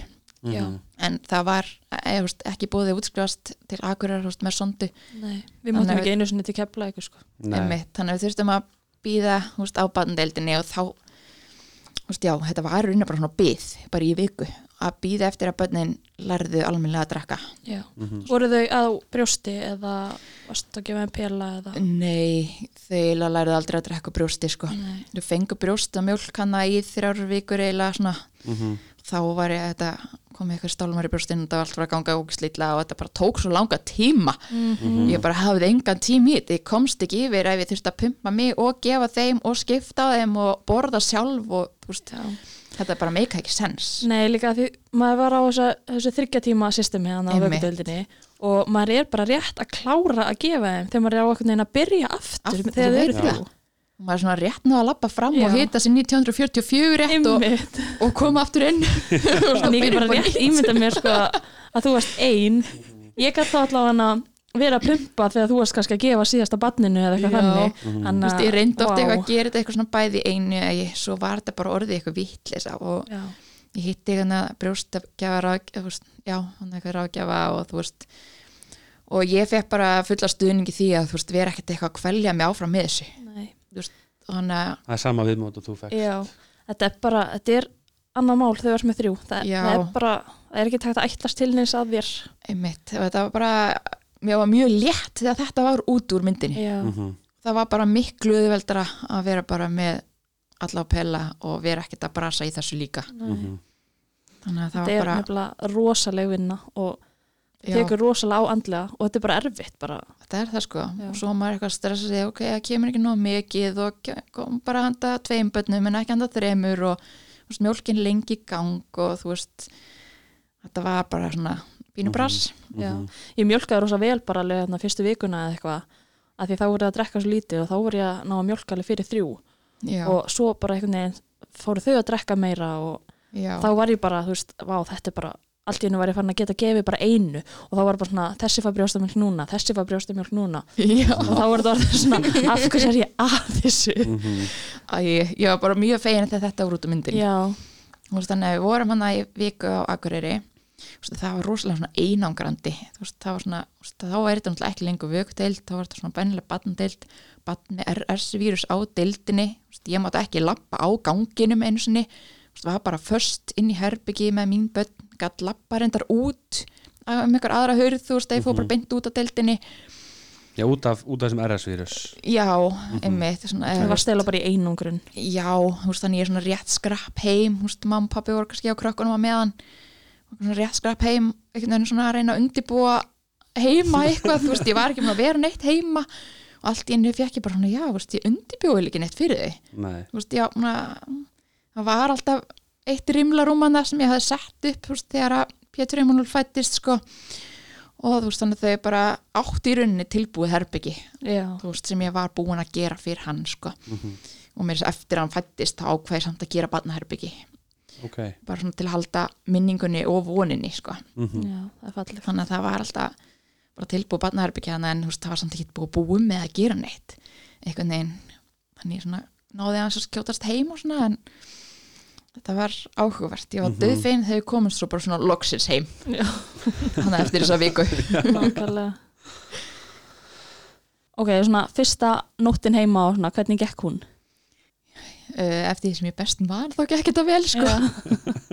En það var til að skríti að við allt einu bara komin heim með þrjú börn og bara sjá bara um þetta. Já, við náttúrulega skiptum nóttunum á milli okkar þannig að fyrstu já, vikunar og það bjargað okkur. Þannig að ég hugsa bara hvernig þú lifðir þetta af sko þetta gekk bara átrúlega vel en þetta tóku gjafin en það ótrúlega langa tíma og maður svá ótrúlega lítið. Að- Þú veist, þú komst heim og stenda á þessu þryggja tíma já, já, já. Þannig að gafinu náðust þetta bara saman já, við vorum alveg því lengi sko. Mhm. eða svona frekar við erum frekar lítill þannig að stundum svo að ég í svona klukktíma og klukktíma eitthvað tíman svo mamma kom og gistist um hjá mér. Veist, fyrst var hún nefnilega að koma svona alveg einu nótt í viku eða eitthvað. Og þá tók hún gafinar nóttunni svo ég fengi nú að sofa einhvern tíman Halda ekki að helsu já, veist, sveflið sér getur náttúrulega bara gert hvern mann geðvikan sko. Já, Algjörlega. Og við erum ennþá að sofa frekar lítið. Mhm. svona fjórum og hálfu ári setna wow. þannig að þetta er alveg búið að þetta tekur tóll af manni sko. Og maður finnur alveg að þráðurinn er oft stuttur og, og svona en fyrst maður var einhvern veginn bara svo uppfullur aðrilisi Mhm. gagvart öllu. Mér fannst bara hvað sem var. Ég bara massaði þetta. Bara ég bjóð upp á þriða hæð og bara fara eitthvað ein út með börnin. Mér fannst það bara ekkert mál. Og fólk var eitthvað, býtu, hvernig ferðilega með þrjá stóla upp og niður? Ég, nú, ég bara fer fyrst niður með tvo og svo bara sæki ég þriðja stólin þú veist, ég var bara, come on. Ok, mér finnst það samt rosalegt sko, mér finnst erfitt fyrir okkur að fara út í bíl sko. Og við, við erum á fyrstu hefð og við erum Það er svo oft í þessu vitali sem ég hugsa bara Ég tók ofan fyrir þér að við, þetta er svo mikið sem við erum að gera og þetta er svo mikil vinna og hugsa sér að þú hefur verið ein En og svo- bara á þriðju hæð Jú, mér fannst þetta einhvern veginn bara, veist mér finnst ég ekkert eitthvað meiri ofið hetja en einhver annar, sko, maður bara gýra sig upp í þetta verkefni þú veist, það er bara eitthvað stórt verkefni. Maður ve- Maður vex líka bara í hlutverkið sko. Já. já, Það er bara algjörlega. það er- það er ekki sem að hafi val. Nei, maður þarf að gera þetta hvað sem er. Og svo, þú veist, ég mani fyrst, fyrstu skiptin sem ég var bara að græja þrjú börn í þrjá bílstóla, halda þeim niður veist, og ég horfði á þetta bara og ég fór bara skell hlæja, þetta er bara bíla fyndið að maður sé allt í henni bara eitthvað einna vesenast í öllu þessu. Já, Mhm. og þú veist, ég átti ekki einu svona bíl sem að öllu stólandi komist í veist, pappi þurfti að lána mér veist, bíli sinn til að ég kæmi stólunum í veist, ég átti eldgamlan Suzuki Grand Vitara jepling þegar bönni fættist bara svona eitthvað fjórhjóldriðin bíl sem kom mér í vinnuna á milli landsluta sko Mhm. þú veist, það var ekki alveg málið þegar að áttir allt inn inn á þrjú börn og einu bretti sko Einmitt. og, og svona bílar er ekkert á hverju strái einhvern veginn, þannig að maður þetta tók smá tíma að finna bíl. Maður þarf alveg að fara í rannsóknarvinnu með að finna Já, bíl þegar þú ert með þrjá bílstóla sko. og svo bara allt í einu opnaði ég þannig bílasölu síðan og bara bílinn poppaði upp á fórsíðinni og pappi satt við hliðina á mér og ég sagði bara þetta er bílinn og hann bara ringdi beint á bílasöluna og sagði bara ég er að koma að kaupa en bíl.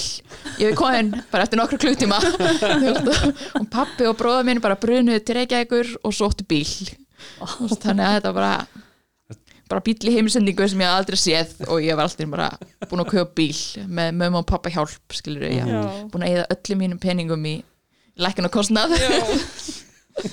Þannig að þetta var bara já, þetta var svona styrlun sko. En þetta gekk bara ótrúlega vel sko. Og gekk betur að búa á þriðu hæð áður en börnin byrja að labba og byrja að Já. reyfa sig sko. Já, einmitt. Þú veist, en ég var náttúrulega búin að leggja undir með hana samegnina, búin að setja leikrind í samegnina því ég var að ferja börnin niður og til að fara í gungutúr og veist, ég var alltaf útrúlega dögulega að fara út að reyfa mig og fara að labba. Því að það er aldrei ekkert gott fyrir geðilsuna að vera alltaf heima sko. Mhm. svo einhvern veginn er bara kannski bara auðveldar að vera með þau út að labba þá eru þau öll á sama stað beislu niður og við erum bara að Algjörlega. labba algjörlega sko Mhm. þannig að ég gerir bara mikið af því eitt, tvo gungutúr á dag og samt var þetta ótrúlega mikið bras en bara að þetta gekk bara einhvern veginn upp Já, svo var bara ógislega gaman að labba með svona þrýpur og vakna úti og engin koma sér í form aftur sko. Einmitt, Þetta er líka, þetta er líka engin smá vagn sko. Það er alveg, þú kemst ekkert hvar sem er með hann. Nei, Við náttúrulega keftum hana, við keftum vagnin af þér. Einmitt. Já, já. Var mjög feinan þegar ég losnaði við úr geimslunni já mjög skemmtilega saga þannig að við fórum inn á þrýbrafélagið og sáum, sjáum þá hérna postin frá þér að þú sért að reyna að selja hann. Og posturinn var sko áskamall, þannig að við vorum bara nei, hún er pottitt búin að selja hann. Og svo hugsuðu bara, það er ekki búin að vera aðri þrýbrar á Íslandi síðan að hún egnaði sína nákvæmlega. Þannig að við pröfum að senda á þig og... Þú sparar Já, okkur, bara- sko við vorum búin að plana að senda að því hann var einu sem var bólusettur, sko hann er lögga pappinar, hann var búin að plana að senda hann til Póllands þú kaupir þetta ekkert í Íslandi, sko. Nei, senda hann til Póllands og sækja þetta og eitthvað, það væri ódýrar heldur en láta senda þetta og eitthvað svona, og komin í sko eitthvað 300-400 þúsund með bílstólum og eitthvað svona, blati bla allan að pointið á stóri, sko þú sparar okkur mörgundur þúsund að selja okkur navag og ég bara, navag Já. við varum ánægin ég var bara, ég var alltaf svo ótrúlega ánægð með þetta sjálf, ég hugsaði bara, því að ég var að fara að selja hann, ég hugsaði bara, ok, ég er næstu til eignast aðra þrýbura, bara til að geta nota hann áfram. Já, hann er geggjað það sko. þegar ég flutti þetta einu frá Þýskalandi og svo var þetta bara eitthvað mikil hefni hvað þetta var geggju græja sko. mm þegar, maður, þegar maður pantar eitthvað á netinu það getur verið hvernig sem er. Já, þannig að þetta var bara hefnaðist ótrúlega vel. Hann Og- kemst ekki allt. Og það er mjög fyndið að reyna stundum að komast inn um ákveðnar hurðar maður svona dregur hann á hlið. En öll, öll, við erum að róla með eldrisrákun og svona, sko, þá þurfum við alltaf að, að setja vagnin á hlið, setja svona þetta að taka sko, haldfangi og spenna það svona niður. Svo þurfum við að halda hann svona hlið í gegn er svona 50-50 hvort við komumst í gegn eða ekki sko. þú veist, ég þurfti alltaf að rífa þetta alltaf með sundur eftir hvert göngutúr þú veist, þá reyfi ég þetta allt í sundur og setti þetta inn í bíl að þetta komst allt inn í bíl. Ég komst ekkert inn heima eitthvað ein þú veist, á hlið, þú veist, þá þurft maður að hafa ekkert að halda undir þetta hinum eigin enn og aftur hugsa ég bara vá, hvernig fórstu Svo- að þessu öllu? ég ringdi þú veist, mjög oft í mögum pappa mögum pappi byggu hana rétt hjá okkur og búa ennþá nær okkur núna eftir við fluttum á jarðhæð. Þannig að þú veist, þau voru rosa duglega að koma og hjálpa mér að taka þetta allt og græja þetta og taka þetta út á bílnum og en þau hafa kannski verið svolítið svona stóð þín og stitta í þessu algjörlega þú veist, þetta er náttúrulega allt öðru sem fyrir þau en ef þau hefðu eignast bara eitt badnabatt sko. Akkurat, þú veist, þau hefðu ekkert þau hefðu haft mun meira frelsi sko. Já, þetta er svona allt í einu ertu orðin þrýpur amma og afi og það er alveg svona það er alveg mikið líka. Það er bara mikið, ég meina við, þau eru bara enn í dag heima hjá mér nánast bara eiginlega öll kvöld. Þú veist, þau eru heima hjá mér öll kvöld nema þau séu ykkur stær í burtu og það gerist kannski þrísvar ári. Já. þú veist, þau eru bara búin að vera rosa mikið dögulega að hjálpa okkur á kvöldin, sérstaklega þegar kvöldin eru svona Erfiður uh, mjög kræfjandi tími á okkar heimili. Úrfa tíminn þegar allir er að fara að sofa og bara græja allir svefnin og allir konur einhvern veginn á yfirsnúning og maður ætlar að hafa ótrúlega rólega stund og maður ætlar að hafa þetta allt svo fullkomið og svo er þetta bara ekkert fullkomið og allt í haki og allir hlupand út um allt og komnir í eldingaleik þegar þú ferð með einnabest tennar þá eru hini bara einhver starf að gera eitthvað af sér og bara þetta getur farið alls konar þú veist, þetta Einmitt. er bara hvernig eru þau svona langaði svo að vita því við höfum oft verið að spá í hvort maður eigi að stíja þau sundur þegar þau eru orðin aðeins eldri og hérna, eða hvort maður eigi að hafa þau bara saman eins lengi, því þau eru náttúrulega þrýburar og eru samrind og svona, hvernig eru þín að fara að sofa? Eru þau bara spjallandi fram á kvöld og spjallandi og ekki spjallandi Já. þú meina svona hoppandi í rúminu og já, Já, þau eru alltaf svona hrópa á hvort annað, þau eru með tvö herbyggi þau eru Já. sofi í einu og leika sér í einu já, og þannig Dóti er bara svona sér og það er ekki stress að taka það til en þannig að svefnherbyggi er alltaf veist, fínt og tilbúið fyrir svefnin og svona. En þú veist, þau eru já, já, þau eru já, Já. þú veist, þetta gengur sæðilega sko, Mhm. þú veist, en þetta getur pottit gengið vel já, en börni mín eru ekki akkurat þar. Nei. Og þau hafa ekki svo mikið um æfina og er hann þá suma að vakna oft á nóttunni. Og svo náttúrulega stekkum maður bara af stað þú veist, þegar eitt byrjar. Þú ert ekkert að svefn þjálfa þrýpura á Nei. sama hátt og gerir við eitt. Nei, Nei, af því að þú stekkur alltaf bara fram úr bara ef leiði heyri í einu þá er ég svo stressuð að ég veki hinn. Já, Mhm. og þú veist þannig ég drifin bara og reyni að bara passa upp á að það bara færi aftur að sofa strax af því að það hefur alveg oft gerst heima hjá mér að það veri bara partí klukkan tvö um nótt og bara allir farnir að hoppa og skoppa og hlaupa út um allt og ég bara, ups þú veist bara hvað nú? Og ég bara ringi mömmu innan miða nótt og bara sorry þú verður að koma í partí til okkar. Þannig að þannig að mamma bara eitthvað kemur og þú veist reynir að hafa eitthvað heimil á þeim en samt oft vandar einn í viðbót sko. Þú veist þannig að Að Shit. þó að ég sé meitt og hún meitt og maður er eitthvað svona ok og ég fara að vera ekki pappa líka eða? Þú veist, maður svona kann ekki alveg þú veist, einhvers staðar í línan sko en mm Mhm. yfirleitt hefst þetta svona undir morgun svona um fimmleiti þá kannski eru allir loksir sopnar aftur sko. En það er betur fyrr. Þá er þetta á undanhaldi núna já, en ég er samt alveg þýta en þá fætur ykkur segir eitthvað sko. Þegar, passa að partíð byrjar ekki já, mm, en þau eru öll á sikkur dildinni á leikskólanum og ég held að hafi mjög gott af þeirri pásu frá hvort öðru. Já, já, einmitt. Þú veist að vera ekki alltaf saman. En þegar þau fyrir skóla þá var ég kannski samt til að hafa þess öll saman í bekk. Já, af því ég er ekki til að halda þrjú bekkjar amali dæmis. Og ég vil bara að þau séu öll að læra undir prófa sama tíma og svona. Mm já, held ég svona þegar maður reynir að gera sér einhver hugmyndir um framtíðina sko.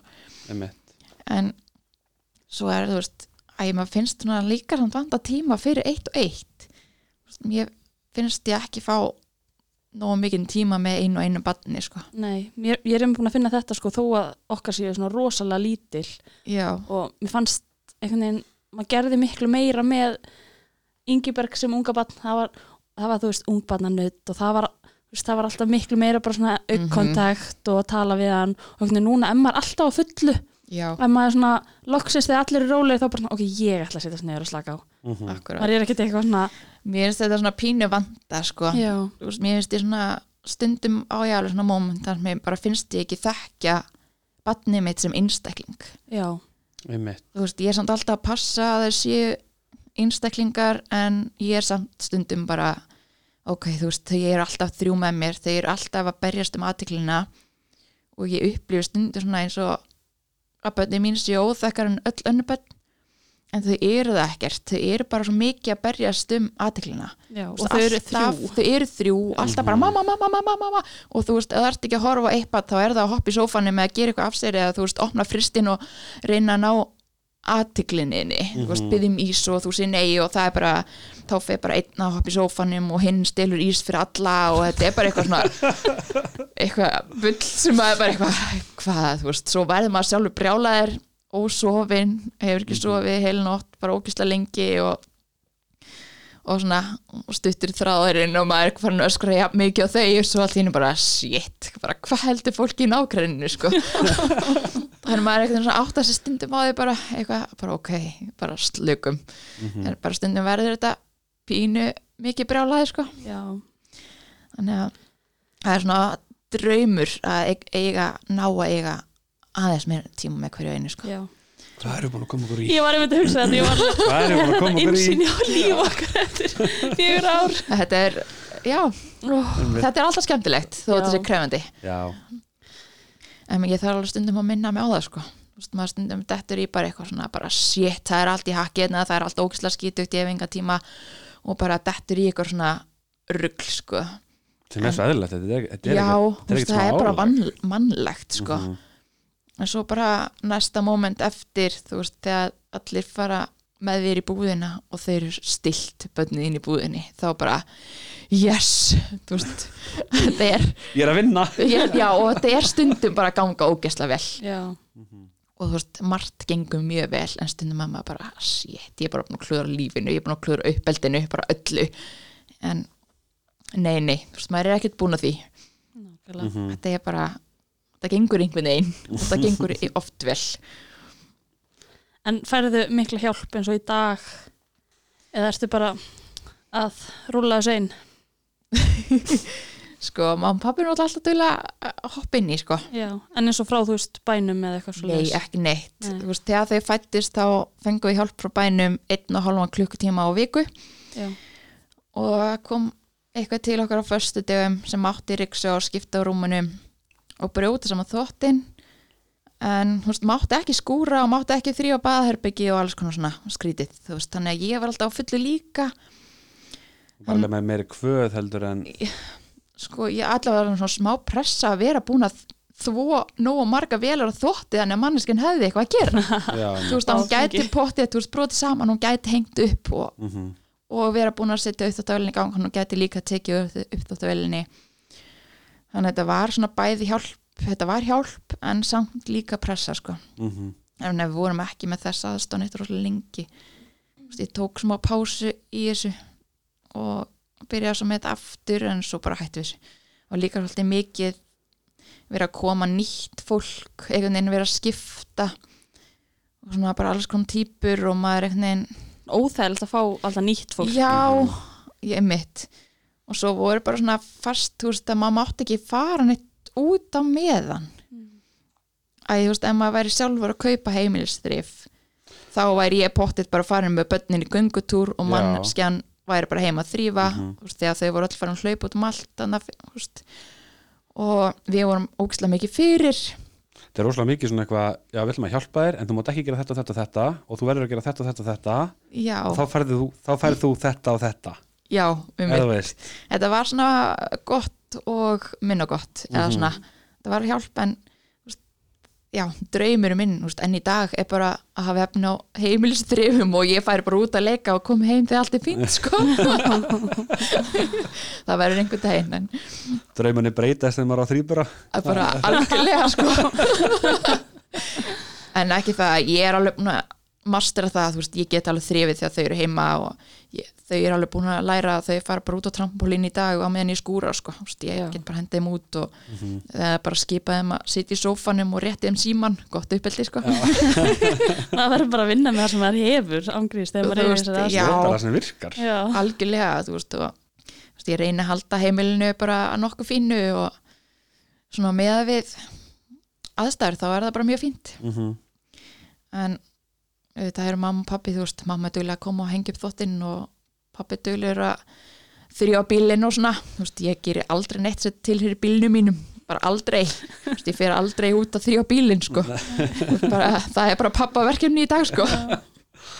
Já, talandi um mömmur og pappa mér langar svolítið að spyrja þig hvernig, hvernig stuðning fegstu frá þeim eða hvernig var það að koma til þér og segja að þú ætlaði að fara eini í þetta ferli? Þau voru bara strax bara, já, frábært. Ég held ég hafi, þú veist, ég allavega upplýði aldrei neitt annað en bara þegar þeim þetta bara frábært hugmynd sko. Ok, geggja þannig að já, já, þetta var bara en þetta mæðir kannski eins meira á þeim núna heldur en uh, kannski planið var uppháflega líka það, þú veist, að fara eini í þetta ferli þá einhvern veginn eru þau svona meira að hjálpa.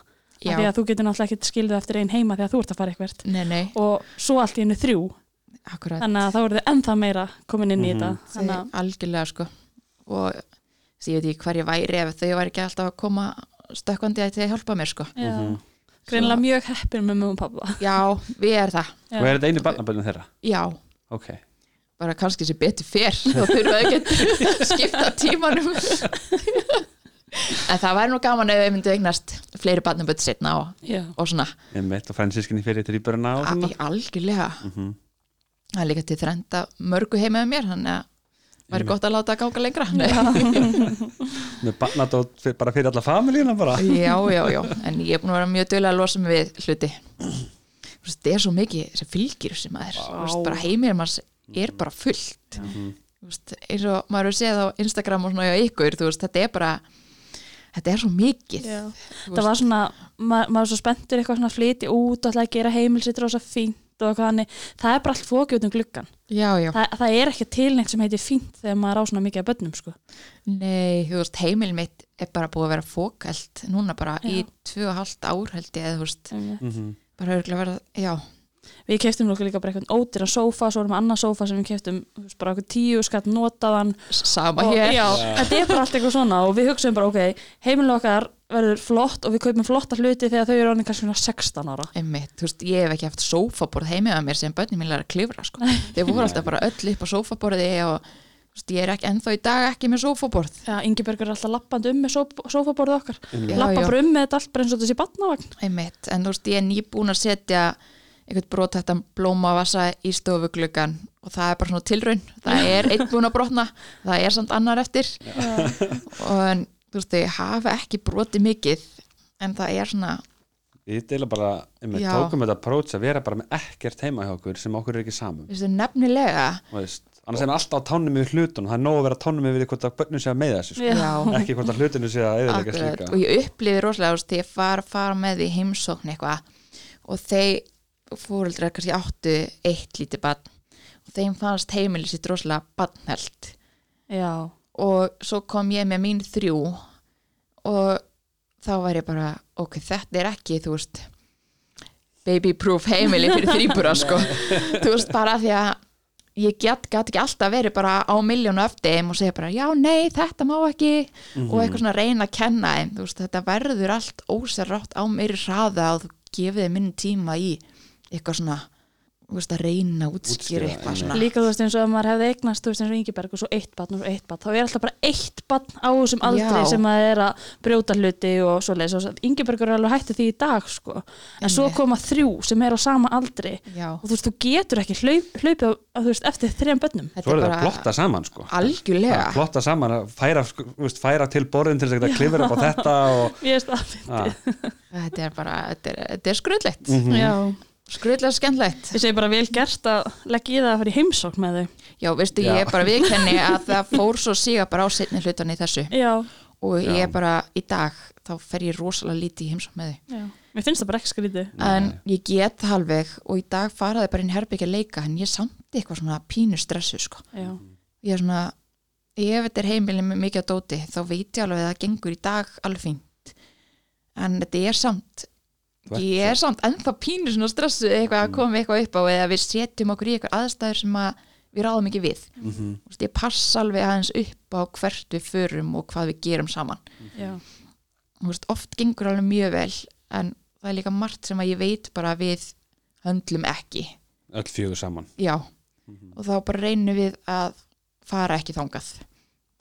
Og gerum bara eitthvað annað í staðin sko. en passar þið að, þú veist, eins og dreifa aðtíkluna milli milli þeirra eða gefa þér svona, eins og one on one time eða nei, eða, veist, ég reyni það en það er bara mjög lítið sko. Þú veist, það er bara ógæslega erfið það er bara mjög erfitt að finna tíman veginn í það og þá þarf það að setja hinn í pössun og Mm. þú vilt ekki vera að byggja um pössun til að geta dúlla þér sko, einhvern veginn. Að því maður þarf kannski á meiri person að halda þegar að maður er með svona mikið af bönnum og þá vill maður kannski nota personuna vel einmitt. bara þegar þú virkilega þarft á hann að halda eða, en ég svona, veist, ég reyni alveg stundum þá get ég sett þau í pössun og stundum fer ég þrjár ferðir í sömu búðina. Þú veist, eða vantar eitthvað þú veist, nýja buksur eða eitthvað. Þú veist, þá fer ég kannski alltaf inn bara gefa öllum börnum, þú veist, 45 mínútur í eitthvað svona, þú veist, að skreppa eitthvað smá í búðir og þú veist, að græja eitthvað svona fyrir eitt barn í einu. Þannig að það fái smá svona með mér einni og þurfa ekki að berjast um aðtiklina svona.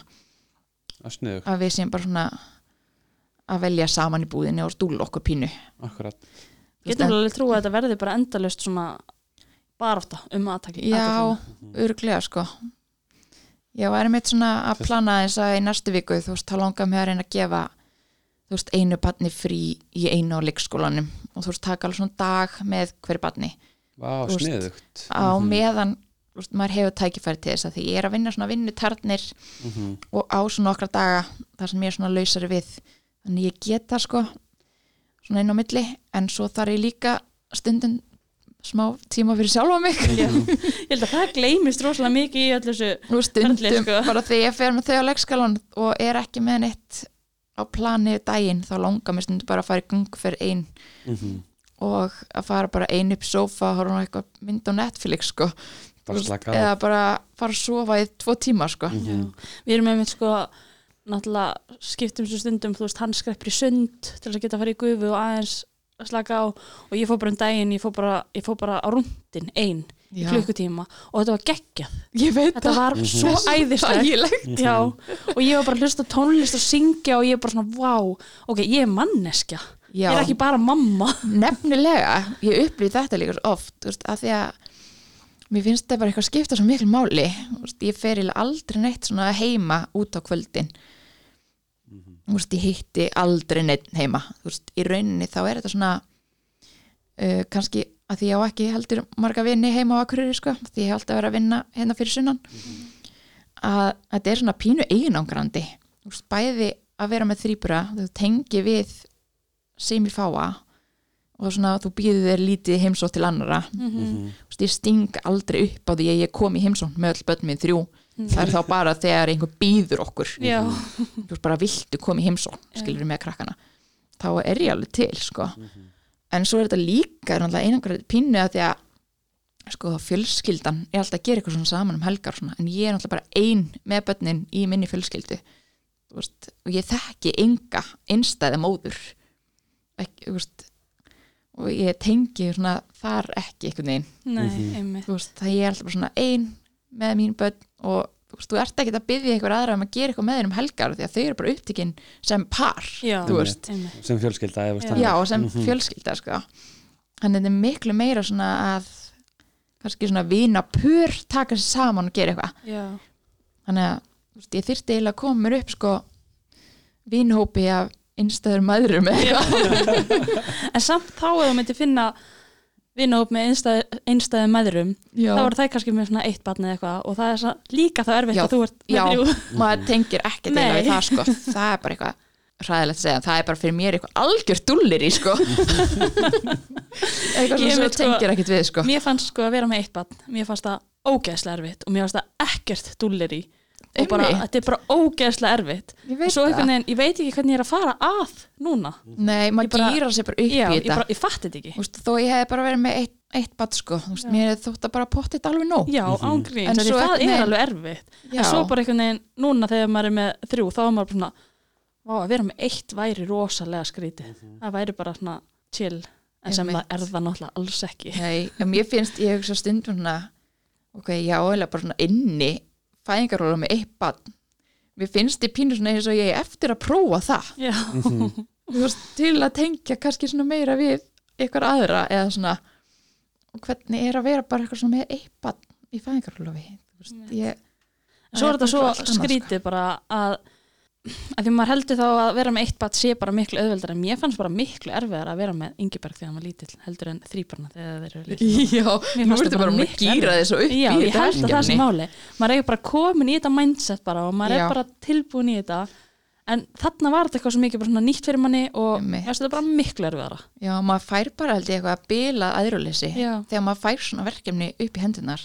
Þú veist, maður verður bara að meika þetta. Þú veist, þú Eins- verður bara að standa því að því að það gerir enginn fyrir þig skilurðu. það er ekki, þú veist, eins og ég segi alltaf sko, maður vext einhvern veginn bara í þetta hlutverk Já. maður setur bara sér í þetta mindset, það, því það er ekki sem maður hafi eitthvað val. Það er Einmitt, ekki sem ég get ekki bara sagt, æ, ég nennur sér ekki í dag. Það, bara- er, það er ekki til bóði einmitt. Og nennir ekki að gera neitt þenn dagi með bönnunum og nennir ekki á leikvillinu og eitthvað þá er bara allt brjála heima og þú nennir ekki að þú þvottin og þá bara hlæðst þvotturinn upp og eitthvað neður svona. Einmitt. Þú veist, ég halda áfram með þvottin og ég er svona ég er alltaf bara ótrúlega þakklátt í rauninni fyrir þvotti minn Já. og það held ég hafi tekið mér svona líka úr fyrir reynslu sko, þegar Mhm. þegar eignaðist Pétur Emanuel þá var ég svona þoldi ég ekki þegar fólk var að kvarti við þvottinu sínum og ég satt bara heima í fæðingarólofi og batni mitt úst, upp í himninu með hann í jörðinni skilur við, hvernig sem maður hugsaði það sko Mhm. og bara, mig langar ógeðslega mikið að vera þvó batnafutt Nákvæmlega. og mig langar að eiga haug af óhrinu fötum og þvott á sófanum og bara einhvern veginn svona og ég tók þetta svolítið með mér inn í þetta verkefni sko Mhm. Úst, og enn þau í dag, mér finnst aldrei leðilegt að hengja upp þvottin Er það bara þakklátt fyrir hlutina? já, ég, bara, mér finnst þessi þvottu bara ekkert mál Nei. en ég er rosalega glöð þegar eitthvað brýtur hann saman fyrir mig þú veist Þú veist, ég er mjög glöð þegar hann flýgur bara sjálfur inn í skáp og einhver kom í heim svona Þú veist, það er algjörlega en ég er ekki eitthvað svona kvart yfir að ég þurfi stundum að þvó þrjár, fjórar, fimm velar og þvotti á dag sko. Þú veist, þannig er þetta bara. Já, mér langaði líka að vita að því að nú er maður með þrýbara og maður er svo fastur á því að þetta séu þrýbarar en maður þarf að átta sig á því að þetta eru þrýr einstaklingar, bara við erum strax farin að sjá mun á Mhm. okkar og bara að þetta séu þrýr einstaklingar með þrjár sikkurar þú veist, bara þarfir. Já, þannig orðið. orðið uh, eins og þín uh, eru þau eru þau sami karakter, eru þau Nei, ótrúlega alls ólík ekki, þau eru ótrúlega ólík. Já. og sko það sem pyrra mig mest við hvað þau eru ólík það er fatastílin þú veist að því að maður var alltaf að klæða því svo mikið stíl og svona og það er svona þú veist, maður tekur svo fljótt eftir eins og núna, þú veist, ég held bara að ég væri að fara að taka, þú veist, ég var að fara að velja fötina þau miklu lengur og bara til tíu ára aldurs næstu en svo bara, þú veist, önnur dóttir mín vill alltaf vera í buksum, hinn vill vera í kjól sonu minn vill vera allt öðru í sig og eitthvað svona, mér er þetta svona þetta er svona það sem aðrir sjá, þú veist, fyrst Já. að skilgreinir karakterin þeirra, sko Já. Einmitt.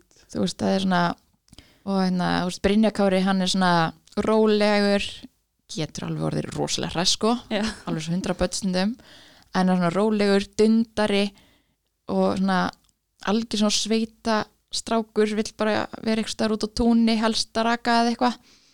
Og getur bara einhvern veginn alltaf fundið sér verkefni. Svo kemur svona og Bertískara hún er svona pínu dama einhvern veginn svona og svona ótrúlega fingerð og svona þó það sýstur séu svona alveg pínu þetta líkar sko Já. þá er samt, þú veist, Bríett Karitas hún er uh, tölvöld mikið ákveðnari og dramatískari og svona önnur þeirra er svona Bertískara vaknar alltaf í góðskapi og Bríett Karitas er algjör béttípa og ef ég vekana vaknar hún yfirleitt í vondskapi þannig þetta er alveg svona þú veist, gaman að sjá svona mun aðeins sko. Mér finnst þetta nefnilega svo skemmtilegt að því þú veist, þetta eru þrýburar og jafnvel líka náttúrulega bara með tvíbura að þau eru að upplifa sama uppeldi á sama tíma Já. og sjá hvað þau samt breytast í sikkura einstaklingar Algjörlega. og, og ég passaði svo ótrúlega vel upp að það þú veist, fyrst gaf ég þeim öllum bíl og stelpunum líka og svo gaf ég þeim öllum dúkku og ég passaði mig ótrúlega vel á þessu og þeir fengu öll dúkkuvagn og svona stætu mínar líta aldrei við bíl og hafa aldrei gert. Nei. sko Brynja Kári er meira svona hann leikur mikið með bíla og traktora og svona en hann tekur alveg dúkkuna sinna líka. Og hann er mikið með henni dúkkuvagn og við fyrum alveg oft í gönguferð þú veist og allir með dúkkuvagn. En hann er stundum alveg með traktor í sínu dúkkuvagni sko, Já. en ekki dúkku. Þannig að veist, það er alveg skemmtilegt að sjá hvað þetta er ótrúlega ólíkt og þó maður sé svona vandasekir ekki kynjamun og svona fyrst þá bara ég held að síðustu jól hafi svona verið kannski síðasta svona sem ég mun passa svona vel upp á þetta Já. Ég held að næst kaupi ég bara eitthvað stelpulegt handa stelpunum og ef svo má orðið komast sko Já. Þú veist, og eitthvað sem hann langar meira í handa honum sko af því að stelpunar vil ekki neitt leika með einhvern veginn það sama. og þetta er líka svona þegar að horfa á eitthvað Þú veist, þess að horfa á eitthvað í sjónvarpinu þau geta alveg öll horta á það sama. En hann vill líka endilega fá þú veist tölvina og þá fer hann að horfa á traktormyndbönd eða sóparabíl sópa eða Já. eitthvað svona kornskurðarvél keira í ringi og taka eitthvað svona mægiskorn eða eitthvað svona þú veist. Hann getur bara, bara að horta á þetta í klukkutíma sko og með að er að horfa á eitthvað alltaf vittlisi sko. Mhm. Veginn svona Þannig að eitthvað, þær eru svona líkari. Í það eru líkari, miklu líkari típur Já. Þú veist, en ná, þau ná öll alveg ágætla saman. En þegar þau leika sér öll þrjú saman leik er það mjög oft eitthvað svona ersla leikir. Veist, en þegar það er bara tvö börn alveg sama hvernig það raðast þá eru svona rólega leikir. Þú veist, og svona finnst svona eins og þegar það er bara tveir að leika þá gengur oft leikurinn betur heldur en þegar eru þrýra að leika sko. en svona já, þetta er alveg skemmtilega óleikir þessi karakterar sko. en, en eins og útlýslega stelpunar Það eru náttúrulega einegja já, Já. Ég vissi það sko Já. en þá- ég ætla, ég ætla að fara að koma inn á veist, eins og þegar voru börn, þekktur það alltaf í sundur eða þau eru að finna upp eitthvað system til þess að ruggla mikið saman eða já, sko þessi betur fer þá voru það með mjög ólíka eyru þegar fættist þannig að og hvað þekktu þau sundur þannig ég þekkti þær sundur á því fyrst og þú veist, mjög lengi þá voru þær eiginlega alveg eins þegar voru með húfu sko. mm og mörgum finnst þær ennþá rosalega líkar en þær eru mér finnst þær svona ólíkar í dag sko. Einmitt. Ég sé það náttúrulega, hef bara séð það í gegnum þú veist, Instagram og, og Já. gegnum síman sko, mér finnst það al- alveg eins sko. já, já, Þú veist, mér finnst líka börnin ykkar í löll alveg eins Nei, ég spurði bara sko, því þegar við komum stæði áttum þrýbura, þá var þetta, þetta, þetta er örugglega svona það sem við höfum mestar af í Já, svona tíma. samt Já. vissu við að þau voru þrýekja Já, en við vorum samt bara, þú veist, þarna eru við komið þrjú unga börn, þú veist við vorum búin að lesa eitthvað frá okkur þrýbara fóröldurum að þau voru með sikkur að litina naglalekki á þann tánum að þeim. Og svo hugsaðum við svona, það er öruglega ekki gott að setja naglalekk á tætnar á nýfættu barni nei, nákvæmlega. Alls konar svona Já, svona skrýkna leiðir til þess að- þekka þið sundur. já, svo náttúrulega bara þegar þau fættust þá bara, bara maður þekkti þau sundur um leið. Já, fólk spyr ofta eitthvað svona ertu vissum og hafir ekki rugglaðum saman á fæðingadildinni þegar þú varst búin að gefa þeim nöfn og þetta sé kannski bara eitthvað allt annað barni eða eitthvað svona. Og eitthvað svona, nei, nei, veist, ég veit alveg nákvæmlega að Bertískara hefur alltaf verið Bertískara sko. Þú veist. Nákvæmlega. En talandi um svona komment og svona frá fólki hefur aldrei fengið eitthvað svona skrítin komment þegar þú ert með þrýbura Jú, alveg oft sko og svona aðtiklin er svona mjög skrítin líka sko Mhm. Þú veist eins og nú er þeir búin að kynast í smá að vera úti að labba með svona þrýburavagn Einmitt. Þannig að fólk leifi sér meira Já, sko. það leifir sér meira og stundum verður það alveg smá úviðiðandi sko. Mhm. Þú veist, margir þú veist, oft er maður bara var maður út að labba og þú veist, maður var bara alveg til í að spjalla og lága ótrúlega vel á manni og svona stundum var maður líka bara ókvæslega þreyttur og nefndi ekki þessari aðtikli og hafði kannski engan áhuga til, á því að tala við sjö manns í þessari gungferð sko. Ég var stundum bara, come on þú veist, ég er bara eins og allar hinna mömmunar sem ert í gungferð að veist, já, eins og eitthvað svona veist, eins og, er þetta glasabönn eða er þetta þrýburar Þú veist, þú sérð alveg að þetta eru þrýburar og svo spyrðu bara ekkert Nei, hvort þetta séu glasabönni ekki. Veist, það er ekki leyndamál að bönni mín séu glasabönn svo er líka bara oft með þrýbura það er bara ætlast til þess að þetta séu glasaböld Já. en svo í okkar tilfelli það var bara komið kæftasa bara út um allan bæ að þetta verður sko glasaböld Einmitt, en þau eru ekki glasaböld nei. þannig að veist þetta er svo og lang flesti þrýburar í dag að fæðast á Íslandi Já. eru bara heimatilbúinu þrýburar sko. líka því það má ekki setja upp meir en einn fóstusekk já, eða Mhm. fóstuvísir fyrir ekki já, en þetta er bara svo skrítið að því þú myndir aldrei lappa upp að mömmu með einburavagn og bara eitthvað, er badnið glasabadn? einmitt. Akkurat. þetta er bara Svo svo þetta er bara skrítið. næsti eins og spyrja bara, veist, mér langaði oft bara að spyrja á móti, bara já, en þitt, veist, í hvað stellingu að það getið, þú veist, maður er svona, þetta er svona jafn fárulegt, sko, já, þú veist, sorry, allavega þegar þú þekki fólki í neitt, Mhm. þá finnst mér þetta óþára spurning, sko. já. Algjörlega. Mér finnst samt einhvern veginn svona, veist, ég- mér er alltaf fundist bara gegga gaman að tala við fólk, bara ef það kemur að spjalla, bara hvernig gengur og þá er ég bara, bara ótrúlega vel og mér finnst það gegga, en svo koma bara svona svo skrítin komment og maður er bara, hvað meinar með þessu? Svo um daginn vorum við í, í skóbúðinni og það kom konu upp á okkur og við hefum það sammeðlegt sko, við búum bæði í litlum bæðifélugum Já, eða svona, litla, ekki í höfuborginni. Akureyri og Keflavík, svona svipa stærð. Já, já, þannig veist, að, það kemur víkufréttum og, og veist, að það var svona big thing í, okkar bæ svona í, í smá stund. Já, og það kemur konu upp á mjög óþægileg upp á okkur sko, er ekki að segja veist, til hamingu eitthvað. Já, er þetta þrýbera fóröldinni frægu?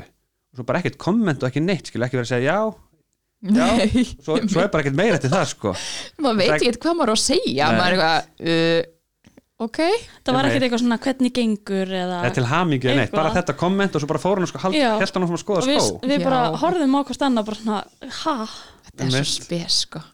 og svo er svona líka að fólk þú veist sko bara svona skoðun á öllu. Já, Mhm. einhvern veginn bara hvort þú allir einhvers fleiri börn eða ekki og fólk einhvern veginn svona býr bara þú veist já, bara reyði fram einhverjar staðrættir eða upplýsingar fyrir þig sko. Og maður er svona, já ok svo líka bara svona það að því þú eignast þrýbura þá er bara eins og þú fyrir alheiminunum meir ekki eignast fleiri börn. Algjörlega, þú ert bara er komið með nóg Einmitt. heiminum finnst það. Mhm. já, þú átt bara að eignast þrjú börn maksa því það passar í bílinn. Já, og svo er eitthvað svona, já, bara fínt að fá þetta allt á einu bretti. Einmitt. Það er bara svona, já, ok, kannski langaði mig alveg í fleiri börn. Svo hefur líka fengið svona komment þú veist eins og bara, bara já, ætlar hún okkur að eignast fleiri börn? Eða þú veist maður er bara í röðin í bónus og allt í hennu bara eitthvað eftir mann röðin ég fann að spurja þú veist bara, já, hvernig gengum börnin? Og svo bara, já, ætlar að eignast fleiri börn? Og maður er eitthvað, já, ég veit ekki. Veist, já, kannski, veist, ég var alveg til að eignast fleiri börn. Bara, já, þú er ekkert að gera mér fleiri börn maður er eitthvað, já, ok. Takk fyrir upplýsingarnar. Einmitt, maður bara, já þetta er nú alveg nóg fyrir þig. Maður er eitthvað, já veist, þetta er kannski nóg en veist, mann má alveg langi fleiri bönn og svo er þetta bara þetta er bara ákvörðun sem að maður tekur sjálfur. Þetta er ekki eitthvað Algjörlega. sem að fólk út í bæja og hafa skoðun á. Nei, og ég sko veist, mér hefur alveg langað það mikið í fleiri bönn sko Já. og svona að reyna einu svona enn.